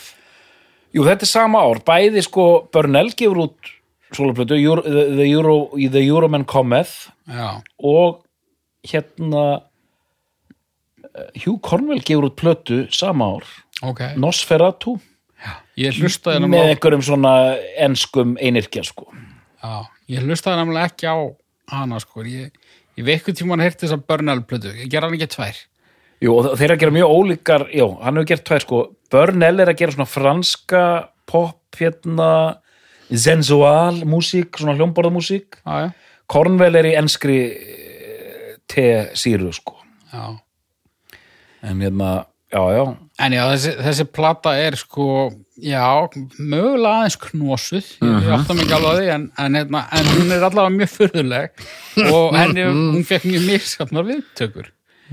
já, Hvað, hérna, stækka þetta aðeins, hvað, það var nú einhver lög hérna sem að, sem að svona, sem að spert upp eyrun, sko. já knosuðlög hérna undir hérna Já, hérna, já, just like nothing on earth, just like nothing on earth, já, og svo kemur það í einhverju chipmunk versjón sko og það er bara svona, þú veist, ég veit ekki hvað er það, er það, bara- er, er það hip-hop Eða hvað, hvað er helvítinu að gerast þarna og, maður, he- og, og svona tölvu bara kraftverk hérna hérna tölvu kraftverk fílingur en bara einhver svona fáránleg hérna einhver skringileg heit og þetta var eitthvað svona þetta snerist um gameverur sko já, já. en að skrýtna rattir og svona sko en sko á einhverjum tímapunkti ég veit ekki hvort það byrjar á þessari plötu eða næstu eða hvað, nei það lítur eiginlega að byrja á þessari að þá sem sagt fer Jet Black af uh, að, þú veist, hann fer að nota, hann fer að triggera trommisetti mm. og, og, og notast við einhvers konar sömpl já, já, eða bara rámaks trommisetti, ég, ég þekki það ekki þú veist, ég held að þetta sé ekki prógramerað trommur ég veit nú ekki hversu langt það var komið þarna En þetta er það, það, það er eitthvað kukl í gangi þarna með trommunar og uh, já, og með þessa plötu, þetta er mikið kukl sko en sko það er ekkert að kom, það er ekkert knos að koma upp Nei, bara svo nei, ég það laumi er þetta inn, knos. sko. nei, nei, út með knosið ég held að þú hafi bara verið að búa til já, En þvílík sannfæring Heru, næsta blada Já, næsta plata já, út með gnósið um, Þá erum við að, að slaka okkur í La Folie erum við að tala um, býtur hún við erum við að tala um erum við að tala um tvö ára á milli er Men in Black 79 uh, Ha er, Nei, hún er 81 já, hún er þessi, 81 Og þessi líka sko já, já, eh, og Raven er 79 Refinu 79 þannig að þeir taka Tóku 80 tvö ár í slaga Tóku tvö ár í slaka Voru ekki heroinn ákvörunum eitthvað? Erun. held að það verið þarna La Folie er venjulegri plata Já. og bara alveg ágætt Hún kemur út í ás Ágúst, september, hinn var í Nefnbytunum við Hinn kemur út í februar já, Og það hefur bara verið krísufundur já, já, og hún er, já, hún er tekin upp í ágúst, september sama ár og gefin út eh, 9. november það hefur bara, jæja strákar Ég held að það hafi ekki verið tekin neitt, neitt krísufundur innan bandsins sko. Nei, kannski, ég meina- kannski kallaði leipelið á inn á teppi en Jú, jú, það var, það var víst mjög erfitt að, að Allavega að- sama að- label. En þetta er Já, þetta er Lafoli fyrsta platan sem að er gefið út til Liberty er The Gospel Man in Black já, það hefur verið já, já. sko ágættisplata og þarna er lægið þetta, Já. Er, þetta er heldig góð plata sko. Já, hún er góð var þetta hinn sem kom til mögulegt að greina Já, í svona korter sko. Ok. og, a, Af hverju? uh, af því að sko þarna var ég komið plötu sem að fannst mér fannst lögin á henni þú veist, mér fannst hún halda en hún hafði ekki töff grotta sándið sem að þú veist, Já. hún hafði, hún hafði enga þannig hækju sko. Nei, nei, þetta er Þannig ég þetta er fór að bara hugsa, sko- Freka mjúkt, sko Já, þannig ég fór að hugsa um bara, þú veist, er hún bara út frá lagasmíðunum, er hún kannski best, en, en nei, mér finnst hún, hérna, að jú, kannski út frá lagasmíðum, ég veit það ekki, en allavega svona heldarpakkin, þá, þá hvarf ég frá því ansi fljótt að, að velja þessa, en, en En, en hún kom til álita. sko, Hugh Conwell sagði hann sagði, já, já Lafoli, þetta var business as usual en síðan kom þetta lag bara við í hvaðan, sagðan Golden Brown já, og Green, enna, Dave, Dave Greenfield hérna samt þetta mm. og hann sagði hérna and, and made our bacon eða brought home the bacon sko. sem er, uh, þetta lag er bæði vegi annar singull af þessari plötu Já, þeir veðju á Let Me Introduce You to the Family fyrst sem er gott lag. er það jafn gott? Alls, alls ekki. Nei og, Sko, en, Nei, nei, en þú Golden Brown er þetta við, þegar við fórum í Valsa þáttinn þá tölum við nú um þetta lag mm. Já, ég væri til í að tala um þetta lag í hverjum þætti. já, þetta lag sex, sex, talaði þessu um þetta lag ég, meina, tal, þú veist- ég sagði 6 fjóruðu allan það þátt mér með ég ætlaði að segja 6 áttundu best að ég leir þetta hérna. En sko þetta lag, þú veist, við höfum rætt þetta mjög oft, svona lög sem maður einhvern veginn getur ekki hérna lengur metið einhvern veginn já, hvað gæði varðar bara út af of spilun mm. þetta lag einhvern veginn, þú veist svona eins og Adam Sandler já, eins og Adam Sandler Nei, þú veist, þetta lag ef ég væri í, í bílnum og Ender Sandman kæmi eða Smells Like Teen Spirit eða, þú veist, Stairway to Heaven Mhm. mm. ég er ekkert viss um að ég myndi enn að hlusta á það, sko já, já, já. Ég myndi aldrei slökka á Golden Brown Nei. bara aldrei, Mhm. Sama. ég er bara alltaf til í Golden Brown sammála og ég veit ekkert af hverju það er og, og það, það er ekki eins og neitt lag nei, nei, ég er hrómala Það er það, held ég er það, það? það er þess vegna sem að þú myndir aldrei slökka við Já, af því að það er svo einstakt eitthvað já og bara einhvern veginn þessi skrýtni skrýtni taktur semballinn Þetta- og þetta- þetta pínutattpælingar haps- já, og samt til og grúf og og, og bara slæmar víbrur einhvern veginn yfir í já, já, ég meina það er svona hvernig það er leitt út það kemur svona já, það er bara svona- það er, það er ónotalegt en samt ógeðaslega þægilegt já, þetta er svona, þetta er svona hvað ég segja þetta er svona, svona- það getur verið svona mest næs martröð sem maður getur fengið Já. já, já. og sko þegar hann byrjar að syngja ég held að það sé svona ég held að það sé miksti vókall sem ég á ævinni heyrt Golden Brown bara hvernig hann hljómar Hann- hann hljómar eins og svona svona, svona loðin hafi ekki sé svona loðin hanska sem að þú veist þú notuðu þurrka af Nei, Já, þannig, ég var líka að hugsa um svona, þú veist, þetta, þetta var svona 60s, þá, þá voru svona loðnir hanskar svona og fólk var að svona strjúka eiginkonum sínum með eitthvað svona loðnum. Þetta er ekki hverð. Nei, þetta talum nú þurfum við að komast En inn ok, í tökum, Svennabergi tökum, tökum Já. bara, tökum bara, Já. hérna, tökum bara, talum knósara tökum bara flýs, loð, reik hanskan. já, ok ég- Bókallin er þannig. já, já, já já, ég meina það, það er eitthvað algjör, algjör snild í þessu það er, það getur engin reynd að segja mér an, að- eitthvað annað Og sko. hann syngur þetta líka bara fokkings vel, sko. já, já, og ég veit ekkert hvort að hann hittir allar nóturnar 100% en bara fílingurinn og jú, hann syngur þetta vel sko. já, já, svo fáum við ratta súpuna þenni endan og já, Já, já, þetta er gott sko og myndbandið er eitthvað neginn, eigur bara á eitthvað neginn ónótin veist, þetta Já. Egipta fokk sko Já, og þeir allir í jakkafötum Ég hef ekki allir eins og þessi nefnt nýkomnir hvernig úr þeir, þeir eru smoking og, en líta út eins og þessi nýkomnir úr gufu já, Já, úgeslega svona sveittir og skítugir einhvern og veginn hvað það er ekki Egipst eitthvað jú, það er eitthvað alls konar Egipta Ég- dæmi. Já, ég ekki að fatta Guðvan er náttúrulega mjög egipsk Já. ah, en sko, ég veit ekki hvort ég hef eitthvað tíma að tala um þetta í þessum þætti, ég er mögulega að tala um þetta við þig Baldur, en, en þess að uh, ég er pínur hrættur við svona, það, það, það er eitthvað svona við svona, e, svona egifska hluti Já, sem ég bara já svingsinn er, Ónót er það Mónót hræðilegast fyrir- sem ég veit Já, já, ég veit það ertu með svona líka? Það það sálsög ekki, ég er venjulegur Nei, ok, þú En vissir ég veit bara að þú ert Já, já, Já. já, sko, svingsinn er ó- já, ógeð sko. píramítar, ógeð já, allir já.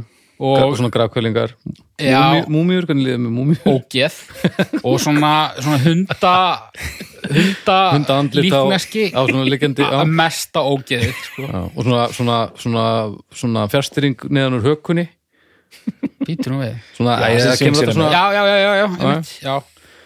Já, Æ, Þetta er, þetta er alltaf bara þetta hefur svona uh, þetta hefur vakið hjá mér upp bara úr barnæsku sko. þú myndir, en, þú myndir ekki vilja endurfæðast í Alexandríu og, og hérna Nei, og ég myndi frekar ég myndi frekar drekka sko ég myndi frekar drekka baðkar af, af hlandi úr bara einhverjum einhverjum heldur en til dæmis að fara inn í píramíta einn ef maður velja En ef þú fengir að fara með einhverjum já, ég myndi frekar að gera það Já, ok en við komandi þyrti helst að vita hvað hann var að gera Á ég ekki ekki að fluga að þú það?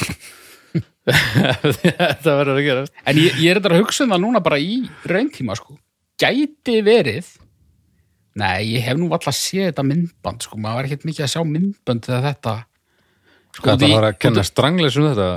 Nei, og þau- þetta, sko, ég þekkti þetta lag lungu, lungu, lungu og ég vissi með hverjum það væri Já, já, eða, já, já. eða hvað stranglers var eða eitthvað. Mm. Og ég mitt, ég geri bara ráð fyrir því að það hafi komið mér á óvart að þetta væri einhvers konar pöngljómsett. Já, já, þetta lag það endur speklar ekki hvað strangleis er Nei, nei, en þetta lag er svona hluti af soundscapei Já. örgla margra á mínum aldri, ímyndaði mér.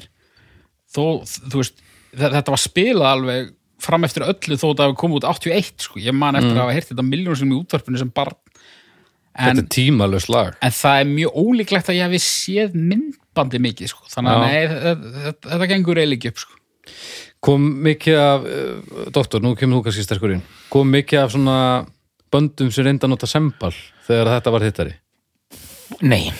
Er það bara af því að sembal er svo helvíti ópraktískur Já, bara, eða af því að bara, nei, við gerum þetta ekki betur þetta er bara, þetta er ótrúlegt að að þessi hljómsveit og þú veist, það er bara eitthvað svona medieval feelingur í þessu lagi, sko Þetta er bara... Semballin maður Semball er bara píanónum að Já, að í staðan fyrir að lemja á strengina þá plokkar það það er þetta undarlega hljóðfæri þarna djúðlar ég, til- djúðl myndi ég ekki nenn að róta sembal spiluðu þetta á sembal Á- þeir voru gegga á svona eða tókuðu þetta aldrei að þeir eru listamenn ég bara hef ekki hugmynd sko.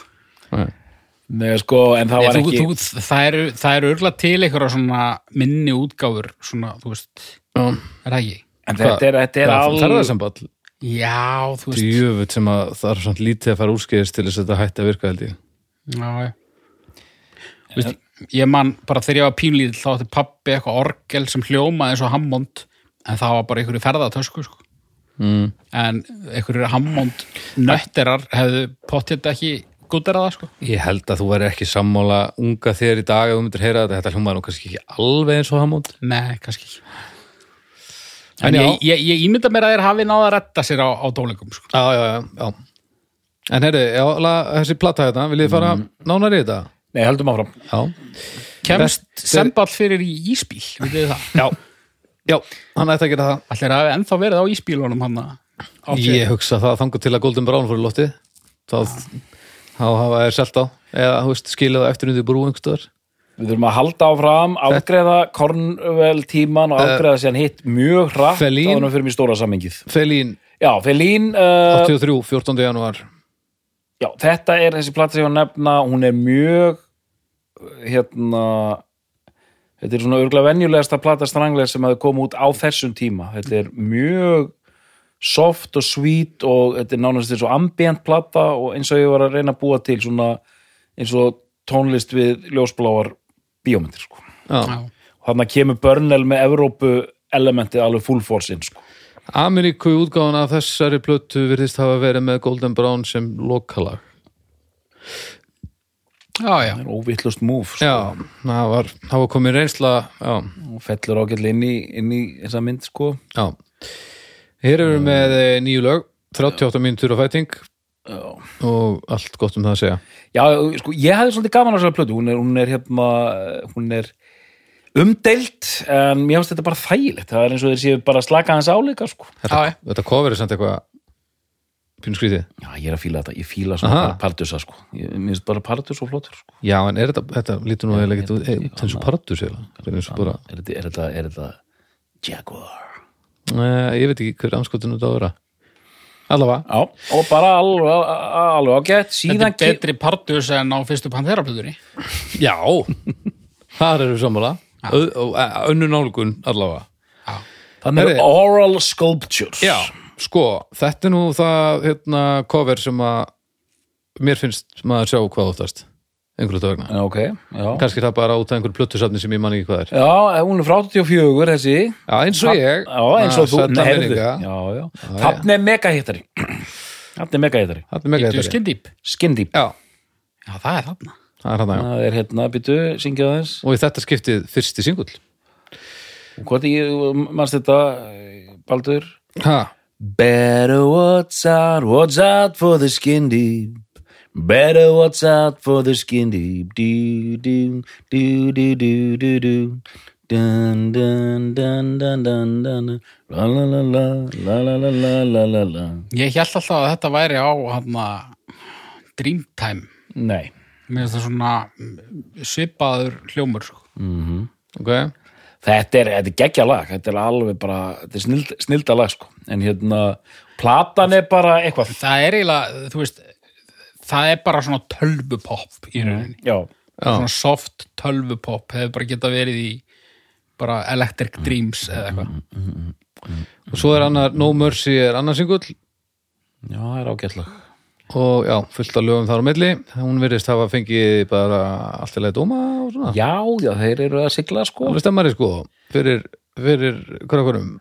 Þeir eru að sigla, þú- það er alltaf gott að vera með einn singul eins og þarna. svo eru tvö ár þá hérna, fáum við Dreamtime 86, 27. oktober Og það er ótrúlega, það er eins og allir vestræni tónlistamenn, hvort sem það eru Strangles eða Sting Já. eða Peter Gabriel, þurfa alltaf að gefa út einhver svona ættbálkablötur Heimstónlist. Kringum, Heimstónlist, heimstónlist, já. heimstónlist, heimstónlist alltaf árið 86. Alveg ótrúlega, sko. já uh, Dreamtime, þetta er vísun í uh, ástralska hérna já, frumbyggja En veitum, er eitthvað, svoleiðis, er eitthvað svo mikið á plötunni? Jú, sko það er, það er lag þarna uh, risahittari Always the Sun It's always the sun Always the sun It's always the sun dee, dee, dee, dee, dee. Always Always Always the sun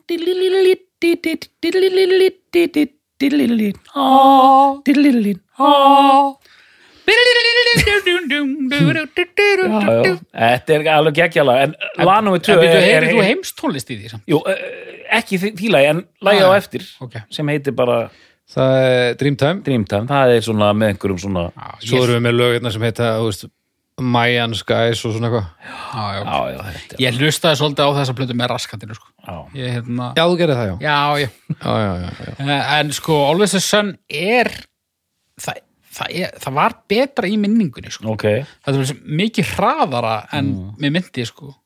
já ok Það er rosa mikið að drífa þessu sko. Í minningunni var það bara svona í góðu Aðeins grúfi svona, já, En kannski bara til marsum það, þú veist, þetta var náttúrulega superhittari já, já ég veit ekki alveg samhengið við sko Golden Brown en, en svo líða árin og áratuginir og Golden Brown er klassik og þetta er það ekki í rauninni eða, þú veist, Nei, nei. þetta er ekki þú veist, þetta er örgla næst með spilaða lag á Spotify ef ég ætla ekki ska en þetta er ekki lag sem er alltaf verið að sem er alltaf að dúkka upp aftur, finnst mér En sko, ég held að þetta sé svona annað af tveimur lögum sínist mér sem að fólki fannst bara hress af þessari blötu Já, en hitt var bara einhver skrýpla gangur sko skripla gangur, já Já, Golden Brown er nú að taka þetta það var nú að segjast þessu er Já, það kemur ekki óvart Pizzas er nú í öðru hérna sko Svo óvistisön Og og hver eru tölunar á þessum þrömmur? Herðu, við skulum bara byrja hérna á, á eh, fimmta sætinu í, í, í hérna, hlustunatölum Þar erum við með Skin Deep Svo erum við með No More Heroes uh, reyndar 96 remasterin já allavega 18, mil- eh, rétt að bara 19 miljonir Svo erum við með eh, Always the Sun 25,6 miljonir Pizzas 25,9 miljonir sem er samt líka 96 remaster Svo Golden Brown 207 miljonir Já, það er rosalegt það er, já, það er stemmari fyrir Golden Brown Já, já, inn á öllum eh, 80s saplistum og 2,3 monthly listeners og það er ekki allir að renna öllum plötunum eins og þið, Nei, ætla ég ekki sko nei, nei En ég meina það er líka lag bara sem er alltaf, þú veist það, það er alltaf verið að koma því Já, aftur í já. umferðið einhvern veginn alltaf relevant, í einhverjum þáttum og bíómyndum og bara, Já, já. þú veist algjörlega hérna, já, já, en þessi plata, já, hún uh, fekk um, ekkert sérstaklega dóma og við tökur og fólk Nei, var- nei, þetta er, þetta er ekkert sérstæð Síðan kemur síðasta platan já, sem Hugh Cornwell á þátt í ok Ten ten, og þetta er mjög meðvötu tilhörn til að amerikanisera sándið já, þannig að þetta er 1990 og þetta er mjög plast uh, hérna húðað einhvern megin allt saman ok sko stórt sound en rosalega ljótt einhvern megin sko mm.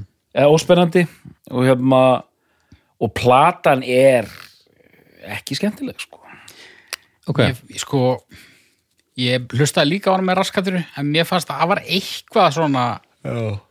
það var kannski út af því að hérna ég einhvern veginn ég var bara búin að gleyma þessar plötu og ég held ég væri komin sko yfir hjú tíman og þetta væri fyrsta ekki hjú platan aðeins og svo byrjaði hann og ég bara "Ha, helvítina líkur honum maður og svo bara hvernig voru laun Mm. fín og svo fattaði ég að þetta var síðasta þess að hjúplatan síðasta júblad en hérna, ég átti hann á geisladisk með þess að ekkert, ekkert merkilega en, en mér, mér, ég hafði meira gaman að henni samt heldur en Dreamtime Mm. ef ég á að vera hreinskilinn sko. ok, og eftir þessa plötu þá hættir hann Hugh Conwell já, og enn þann dag í dag sko þeir töluðust aldrei við aftur hann og trómarinn hérna Já, ok hvað hva, hva kom upp á? bara eitthvað svona ensk karlmanna stýpni einhver sko. Eh, Hugh Conwell hringdi í Death Black og sagði, eru ég er hættur og Death Black sagði, ok, gott, fínt Það er bara, ok, töluðust þær aldrei saman töluðu aldrei saman áttur? aldrei og hann og Börnell Börnell rekur bandið í dag þeir talast ekki við heldur og Hugh Conwell er bara sóló sko. en þeir tjá sig samt þeir eiga í tjáskiptum í svona í gegnum Eh. fjölmiðla má segja Já, eru þeir allir á, á lífi? Nei, þeir eru sem sagt hljómbórsleikarinn dó Já. úr COVID bara 2020 held ég Bara í fyrra Nei, ljónbúrsleikari, sagði það? Já, hann deyr fyrstur sko Já, já, já, já, hann deyr 2020 já. Já. og svo Death Black, deyr Death Black í bara, fyrra Já, hann var, bara hætt, sent í fyrra já, hann var hættur að tromma Sess 2022 fyrir ykkur sem er að hlusta í framtíðinni passið ykkur á flugbílunum hann var hættur að tromma en það var hann orðin alveg sko þúsund ára Hvað var hann gamall hann að dó? uh, Þúsund, sínum sem er Nei, 84 Já, en hann var ennþá að túra með bandinu held ég, bara sem, þú veist Good Vibes Eitth- Já, eitthvað svona ég ég er ekki eins og við sem hann hafi verið eitthvað svona hálfgildingsumbi en hann var svona, þú veist hann var ennþá eitthvað neginn með já, sko, já, hann vakir yfir þessu en hann gat ekki trommalegur en sko Burnell og Hugh þeir sko, ég hlusta á nokkur viðtöl við þá og, og þeir þetta er rosa skrítið sko Og ég, mér fannst svona það er meiri beskja einhvern veginn hjá hjú já, satt Hjúsand kom þetta ráða þegar að Black Day já, þeir gera það alltaf þessir anskotar Æ, það þarf einhver að deyja til þess að þú, hérna, virðir hann við, við til að fá mennskuna fram já ég meina, þú veist, ef að ef að, ef að Robert Smith myndi deyja á eftir, heldur að við værum ekki að tala um bara tíst frá Morrissey bara strax í fyrramálið, bara geðað fallegt ég held það heldur það? Morri? Nei, Ég Rólusson, held- Morrisi Já, ég held það. Já Æ, Það er ég, hérna, ég held ekki uh, að því Morrisi er hálfviti hann er hálfviti sko, en hann, en hann er, þú veist, hann er semst ekki hann er ekki hálfviti sem hættir að vera hálfviti bara því að aðrir vilja hann hætti að vera hálfviti af því þá er hann hættur að vera hálfviti fyrir löngu nei, hann er samt svona hálfgildingsbúin að, að byðast, byðast afsökunar á ummælum sínum um Robert Smith í gegnum tíðina og svona. ha? Já, svona með einhverjum fyrirvörum og Morrissey eskju sko. Mm. en já, hvað um það? Eh, Já, það, það er eitthvað svaka gremja í Cornwell sko. En mann Já, já. veit ekki alveg hvað gekk á. Nei, hann er svona hann er aðeins svona stormanlegri hann Börnel í viðtölum en samt þetta er voða skrítið sko. Þetta er voða, voða mikil kergja og, og ég veit ekki, sko, þeir voru mjög þettir, Cornwell og Burnell, sko. Þeir voru vinirnir í bandinu, sko. aðja Og, og sen einmitt koma svona pillur, þú veist, Burnell sagði, Hugh held að hann er miklu stærri en Stranglers þegar hann myndi hætta, en hann er bara að spila einhverja klósettúra, sko.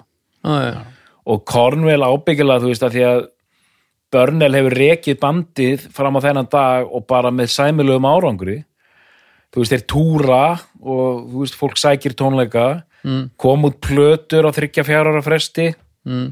uh, það er gefið út hérna alveg sko, sko Stranglers in the Night 92 About Time 95 mm -hmm. sama ára About Time með Pennyverse kemur út ah, okay. Written in the Red, Written in Red 97 já, já, Coupe, Coupe de Grace já, uh, 98 það er nú stutt þarna á milli Norfolk Coast 2004 Sweet 16. 16 2006, Giants 2012 já, fyrir alveg aðeins að lengjast þarna og svo nýju ár Dark Matters kemur hérna út Og, og, og, og, og um þessar plötur er þetta að segja að það þetta er bara svona raffinerað, rokkandi stranglers búið að snýða tilrauna dæmið í burtu já, og þetta er daldið svona tónlist uh, hérna di- dil- dilla á liftunni sko. Dilla á liftunni, já. já, Dark Matters fekk allavega fínar viðtökur Jú, fyrir mig bara sko. þetta Það er ekkert aðeins. Já, það er ekkert að þessu sko ekki Þannig rétt neitt. framan af þá er að fá skýta dóma allavega en það er svo sem segir ekki allavega svona Það er svolítið knossa þarna til að byrja með.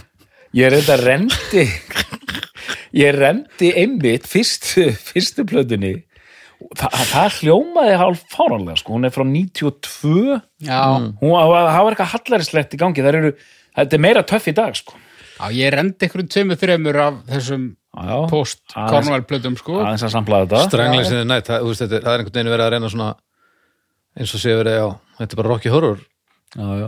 uh, tilraun sko En þeir eru, þeir, eru hel, þeir eru helviti naskir, þú veist, þetta visual dæmi er, þú veist, þeir eru einhvern veginn já, já, alltaf með það svolítið, sko. þetta er, Mis- þetta er oft þetta er rosa mikið vörum. Ritinin Red er voða 90s Wow, ok uh, Shit uh, en svo erum við, já, ég meina þetta er flott lúk þetta, þetta eitthvað á svörtum grunni Já, og rauðu stafinir sko Já, þú veist, þetta er alveg svona bínu Þetta er aldrei misemna sko Já, 2004 Já, Já, ég meina, en, en segðu, ge- segðu mér eitthvað sem var ekki misöfnum 2004 en sko, en ég myndi að nákvæmlega sama cover ekki með þessu hljómsættalógói það væri mikið verra þetta, þetta logo, Þetta logo er geggjað, sko það sleppur einhvern veginn allt fyrir hot með þessu logoi Já, það, þú veist, það, það er mjög flott þetta er cool Eh. Sweet 16 Já, uh, nú erum við sérst að skoða plötur já við erum pló, sko plötuðslög þetta er nú, Grótar er hérna, grjótharðir, þar síðustu plötu maður, vá. Giants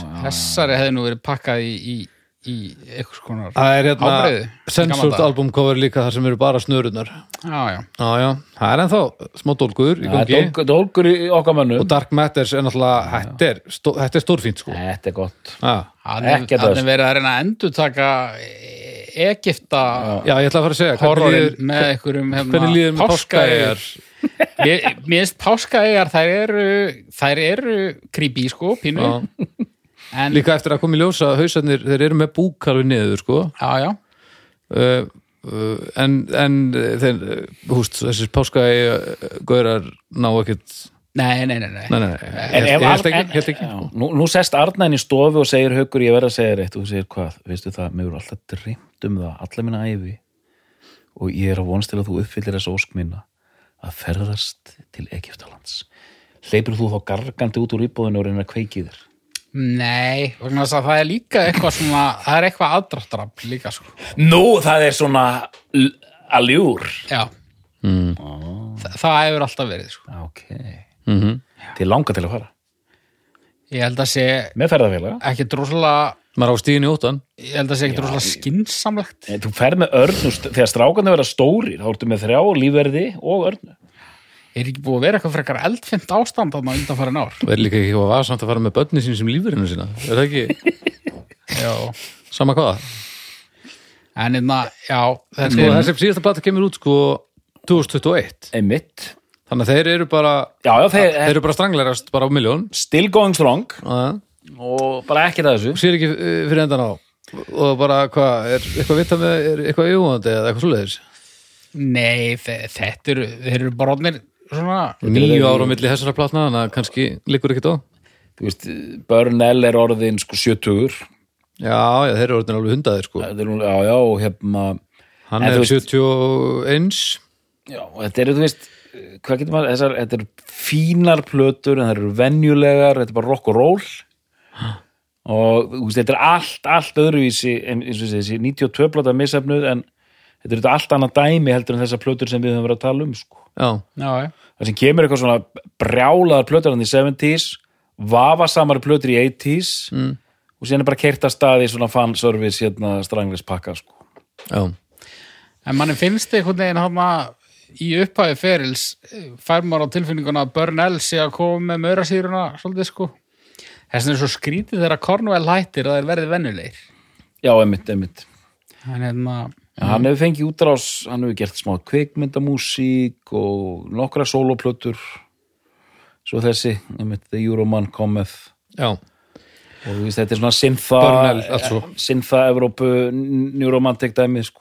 já Þetta er Og- plötu kórulegi og sko, það má segja um hann líka að sko Jet Black, hann, eh, þú veist, fólk hefur nú alveg minnst á hann í hópi góðra trommara og fólk hefur nú rósað öllum þessum hljóðfæraleikurum á einhverjum tímapunkti en Burnell er svona dæmi sem að bassaleikar að nefna mjög oft Já. sem áhrifavald Já, þannig að ef við erum að tala um bara svona einhverja frumkvöðla starfsemi í hljóðfæraleik og, og, og sérstaklega hljóm Mm. þá er Burnell sá sem að fólk er, að, er ennþá að apa eftir sko. já Það er Þetta- engin Hann er eitthvað- já, precision, precision hundur alveg framan af allavega já, það er engin eitthvað Round round tala um að að Hugh Cornwell sé fyrirmynd sín í gítarleik þó hann sé fýtt gítarleikari, skilur Og hann spila með nögl Er það ekki? Börnal Já, það er náttúrulega Já, það er hann misjönd skoðanir hjá hjá basaleikurunum á, á, á svoleiðshefðun já, já.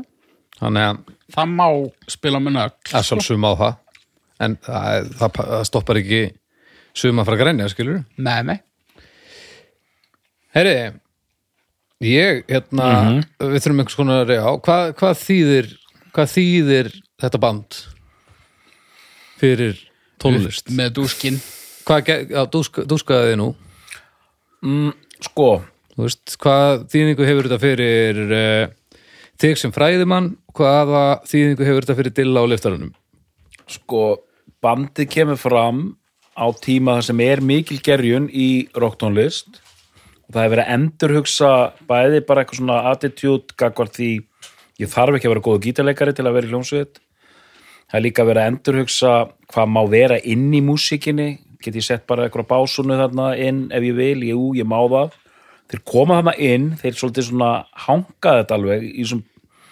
furðuplötum til dæmis sem við höfum talað um og sama tíma náður að vera eitthvað svona kolsvört rock íkon einhvern meginn og töffarar og börnel og allt þetta sko þar kemur Dilli hérna á, á liftaranum sterkurinn mm -hmm. og þú getur, bara, þú getur bara valið að taka það ég, na, ég hlusta, ég var nú svo rugglaður í þessu stranglerstæmi að ég tók bara This is Stranglers á Spotify mm. hlusta á það og djöfull rann það vel, það voru sko komið svona 25 lög, þetta var Já. bara allt snilt sko Já, já það er það, ég held að það er eiginlega engin engin, það er næstu engin samfélagshópur sem held ég geti ekki fundið allavega eina snild sem hendi þeim sko og nákvæmlega sko. þá erum við að fara alveg í mestu möra síru, síru uh, hólurnar Ég bara, sem og bara pop Já, já, og á meðan eru örgulega mömmur okkar allra, það er hækka örgulega þegar Golden Brown kemur í. já, ég meina það sko Já, Þú veist, þetta þetta er er- bara þetta er helviti, verður svo vikið sko og þú fyndi að því að þú veist þarna kemur svona eh, þarna kemur pr- hérna, þetta praktiska við Spotify svo vel út að öll, öll, allir sírunum var raða svol- svolítið neð, neðalega í þetta this is mm. þannig að sko Dilli á liftaranum alveg bara búin að fá þrjá tíma bara einhver geðveiki þarna, mjög sátur og síðan er bara hægt að leita þá að þú þart sírða stranglir þá bara finnur það þarna líka en líka, því, þú veist, hvað merkir þetta band líka bara svona þú veist, uncompromising skilur gera bara sitt listrænir en líka rokkandi áhrifavaldar bæði sem hljóðfærarleikar sem og Já. og lagasmiðir og, og bara pródúsent Já, bara, þetta er margliða dæmi sko. Já, geta sami grípandi poplög bara allir fjandinn sko. Það er líka sko, þú veist, ef við tökum lögu svo Golden Brown og Always the Sun og, og þú veist, þessi svona mýgri 80s lög, -hmm. Mhm. það er aðdraðandi að þeim, þú veist, þetta er ekki hérna, þungarokksbandið sem að gaf út eina ballöðu og allar stelpunar fóru og keftu plötuna og, Nei, nei. og svo voru öll hinlaugin öðruvísi, skilur já, já, akkurat þetta er ekki þannig maður heyrir, maður heyrir þetta alltaf einhvern veginn þróast í einhverjar áttir og, og Golden Brown þó að það hljómi ekki eins og neitt annað lag á þeirri plötu þá á það samt heima þar einhvern Já, veginn. já, ok satt það er alveg í þessum og þessi, þetta, þessi íri faktor sko. það, er, það er eitthvað svona dulúð og hætta alltaf yfir þessu bandi einhvern veginn sko. og ég, sko, ég fór að velta því fyrir mér hvort að þeir hefðu óvart fundið upp postpunk bara hana í miðri punkbylgju uh, dúskurinn hérna við hliðin á mér vill meina svo sé ekki Ok, og ég slóð þessu inn á internetvélina og fann þar að sko þetta debat er til staðar og hefur eiginlega alltaf verið til staðar mm. fólk varpar fram þessari kenningu og annað fólk skýtur þessa kenningu niður þannig að, er Þeir- það bara doktorar og sér stillar já, Já. svolítið doktorar og dillar þannig að, þannig að það getur vel verið og, og það er líklega að doktorinn hafi réttara fyrir sér heldur en ég en, hérna, en, en þetta er, er allavega, þú veist Þetta er svona, það er hægt að rífast um þetta það er hægt að rífast um þetta sko og, og mér finnst ég stundum heyra sko í þessum fyrstu fjórum plötum til dæmis finnst mér að heyra svona glefsur úr því sem að önnur bönd fóru að gera einu tömur árum síðar Já, en með þeim fyrirvara að ég er ekki doktor í postpunki sko. næ, ekki ennþá ekki ennþá Nei, þú ert eftir að sækja þér þá gráðu til Egyptaland já. En það koma svona furðulegi hlutir eins og eh, það er hljómsveit sem heitir Pere Ubu Hún var Þetta djöfull var þetta Doktorslegt hún er sem sagt hún, hún, er, hún var stofnið í Klífland Ég veit ekki okkur með maður stóð svona myndið Þetta var bara eins og leið Ég saði þetta svo varlega Mér því leiði að- þess að ég verið smábarn aftur og það var einhver að reyna að svona- tala svona barnamál við mig. Ég, ég, ég saði þetta mjög varlega sko, því að hérna, ég hef sagt stundum ykkur furðulegi hljómsveitarnöfn hérna og, og- og hérna koma mikil spurningamerki Segðu okkur meira um... Pere Ubu uh, stofnið í Klífland sem var bara svona middle of nowhere í bandaríkjunum þeir, þeir gefa út svona singla árið 1975 Mm. áður en pönkið kemur og þessi singlar hljóma eins og þeir hefðu geta verið léttilega inn á annarkort Unknown Pleasures eða Closer sko. þannig að þú veist þetta er bara svo eitthvað svona glitz hérna, Já, þú gerir ekki postpunk þú getur ekki póstlokk áður en það verður til Það er erfitt og þá bara svona býtu, ok, hvað gerðist þá þannig Klífuland og þá bara þetta, bara, þetta er hending sko. þetta er bara svona, þeir eru að garfa með einhverjar græjur og bassalekarinn spilar svona á bassan og sen raðast þetta einhvern veginn saman þannig að allt innu hljómar þetta bara eins og okkur djötu viðsjónulag fjórum Já. árum og undan tímanum Já. en það er alls ekki hægt að tengja þetta saman sko. þetta er algjörlega tvö unit sko. Og held það band áfram eitthvað eða?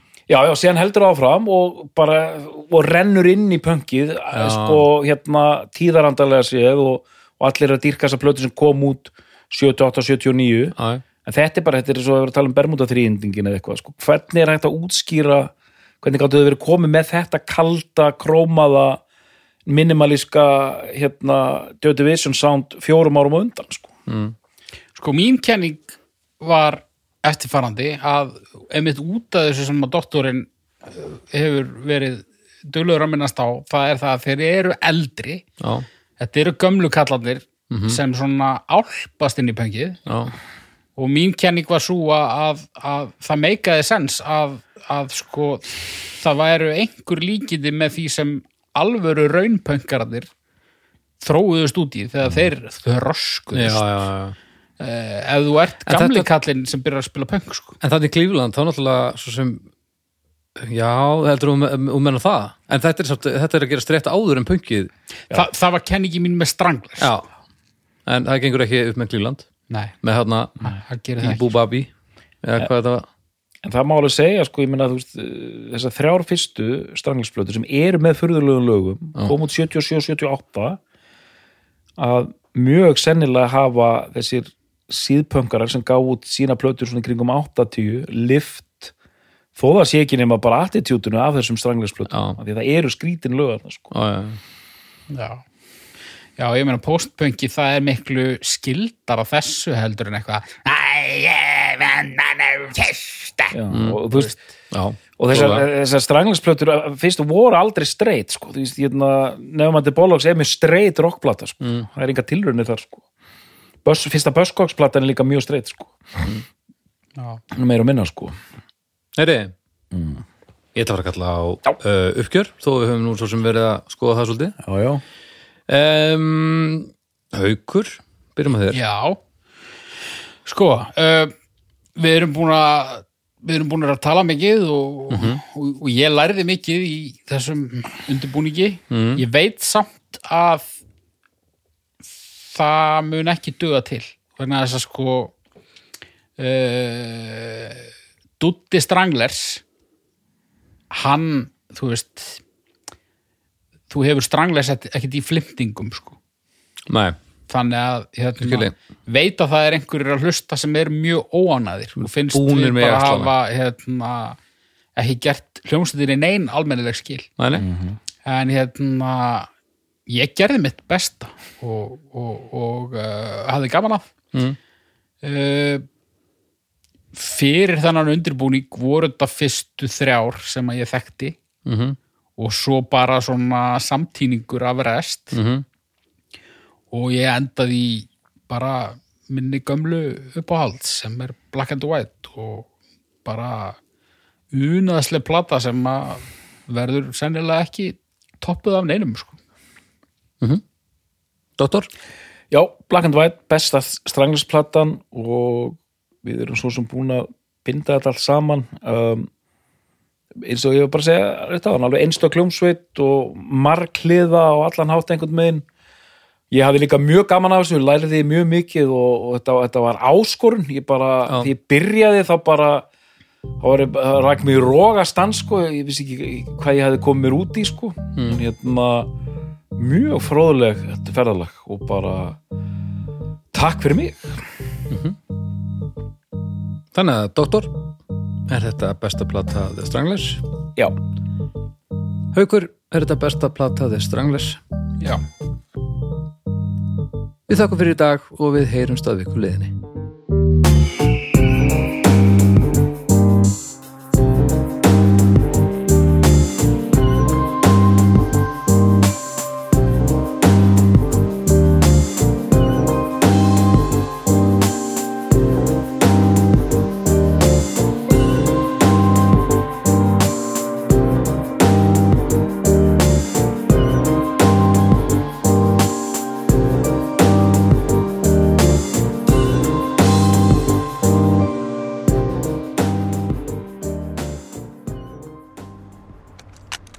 Sjóvá tryggir rattirnar í höfðun á þér. Sjóvá er sérlegur bakkjarl hljóðkirkjunar.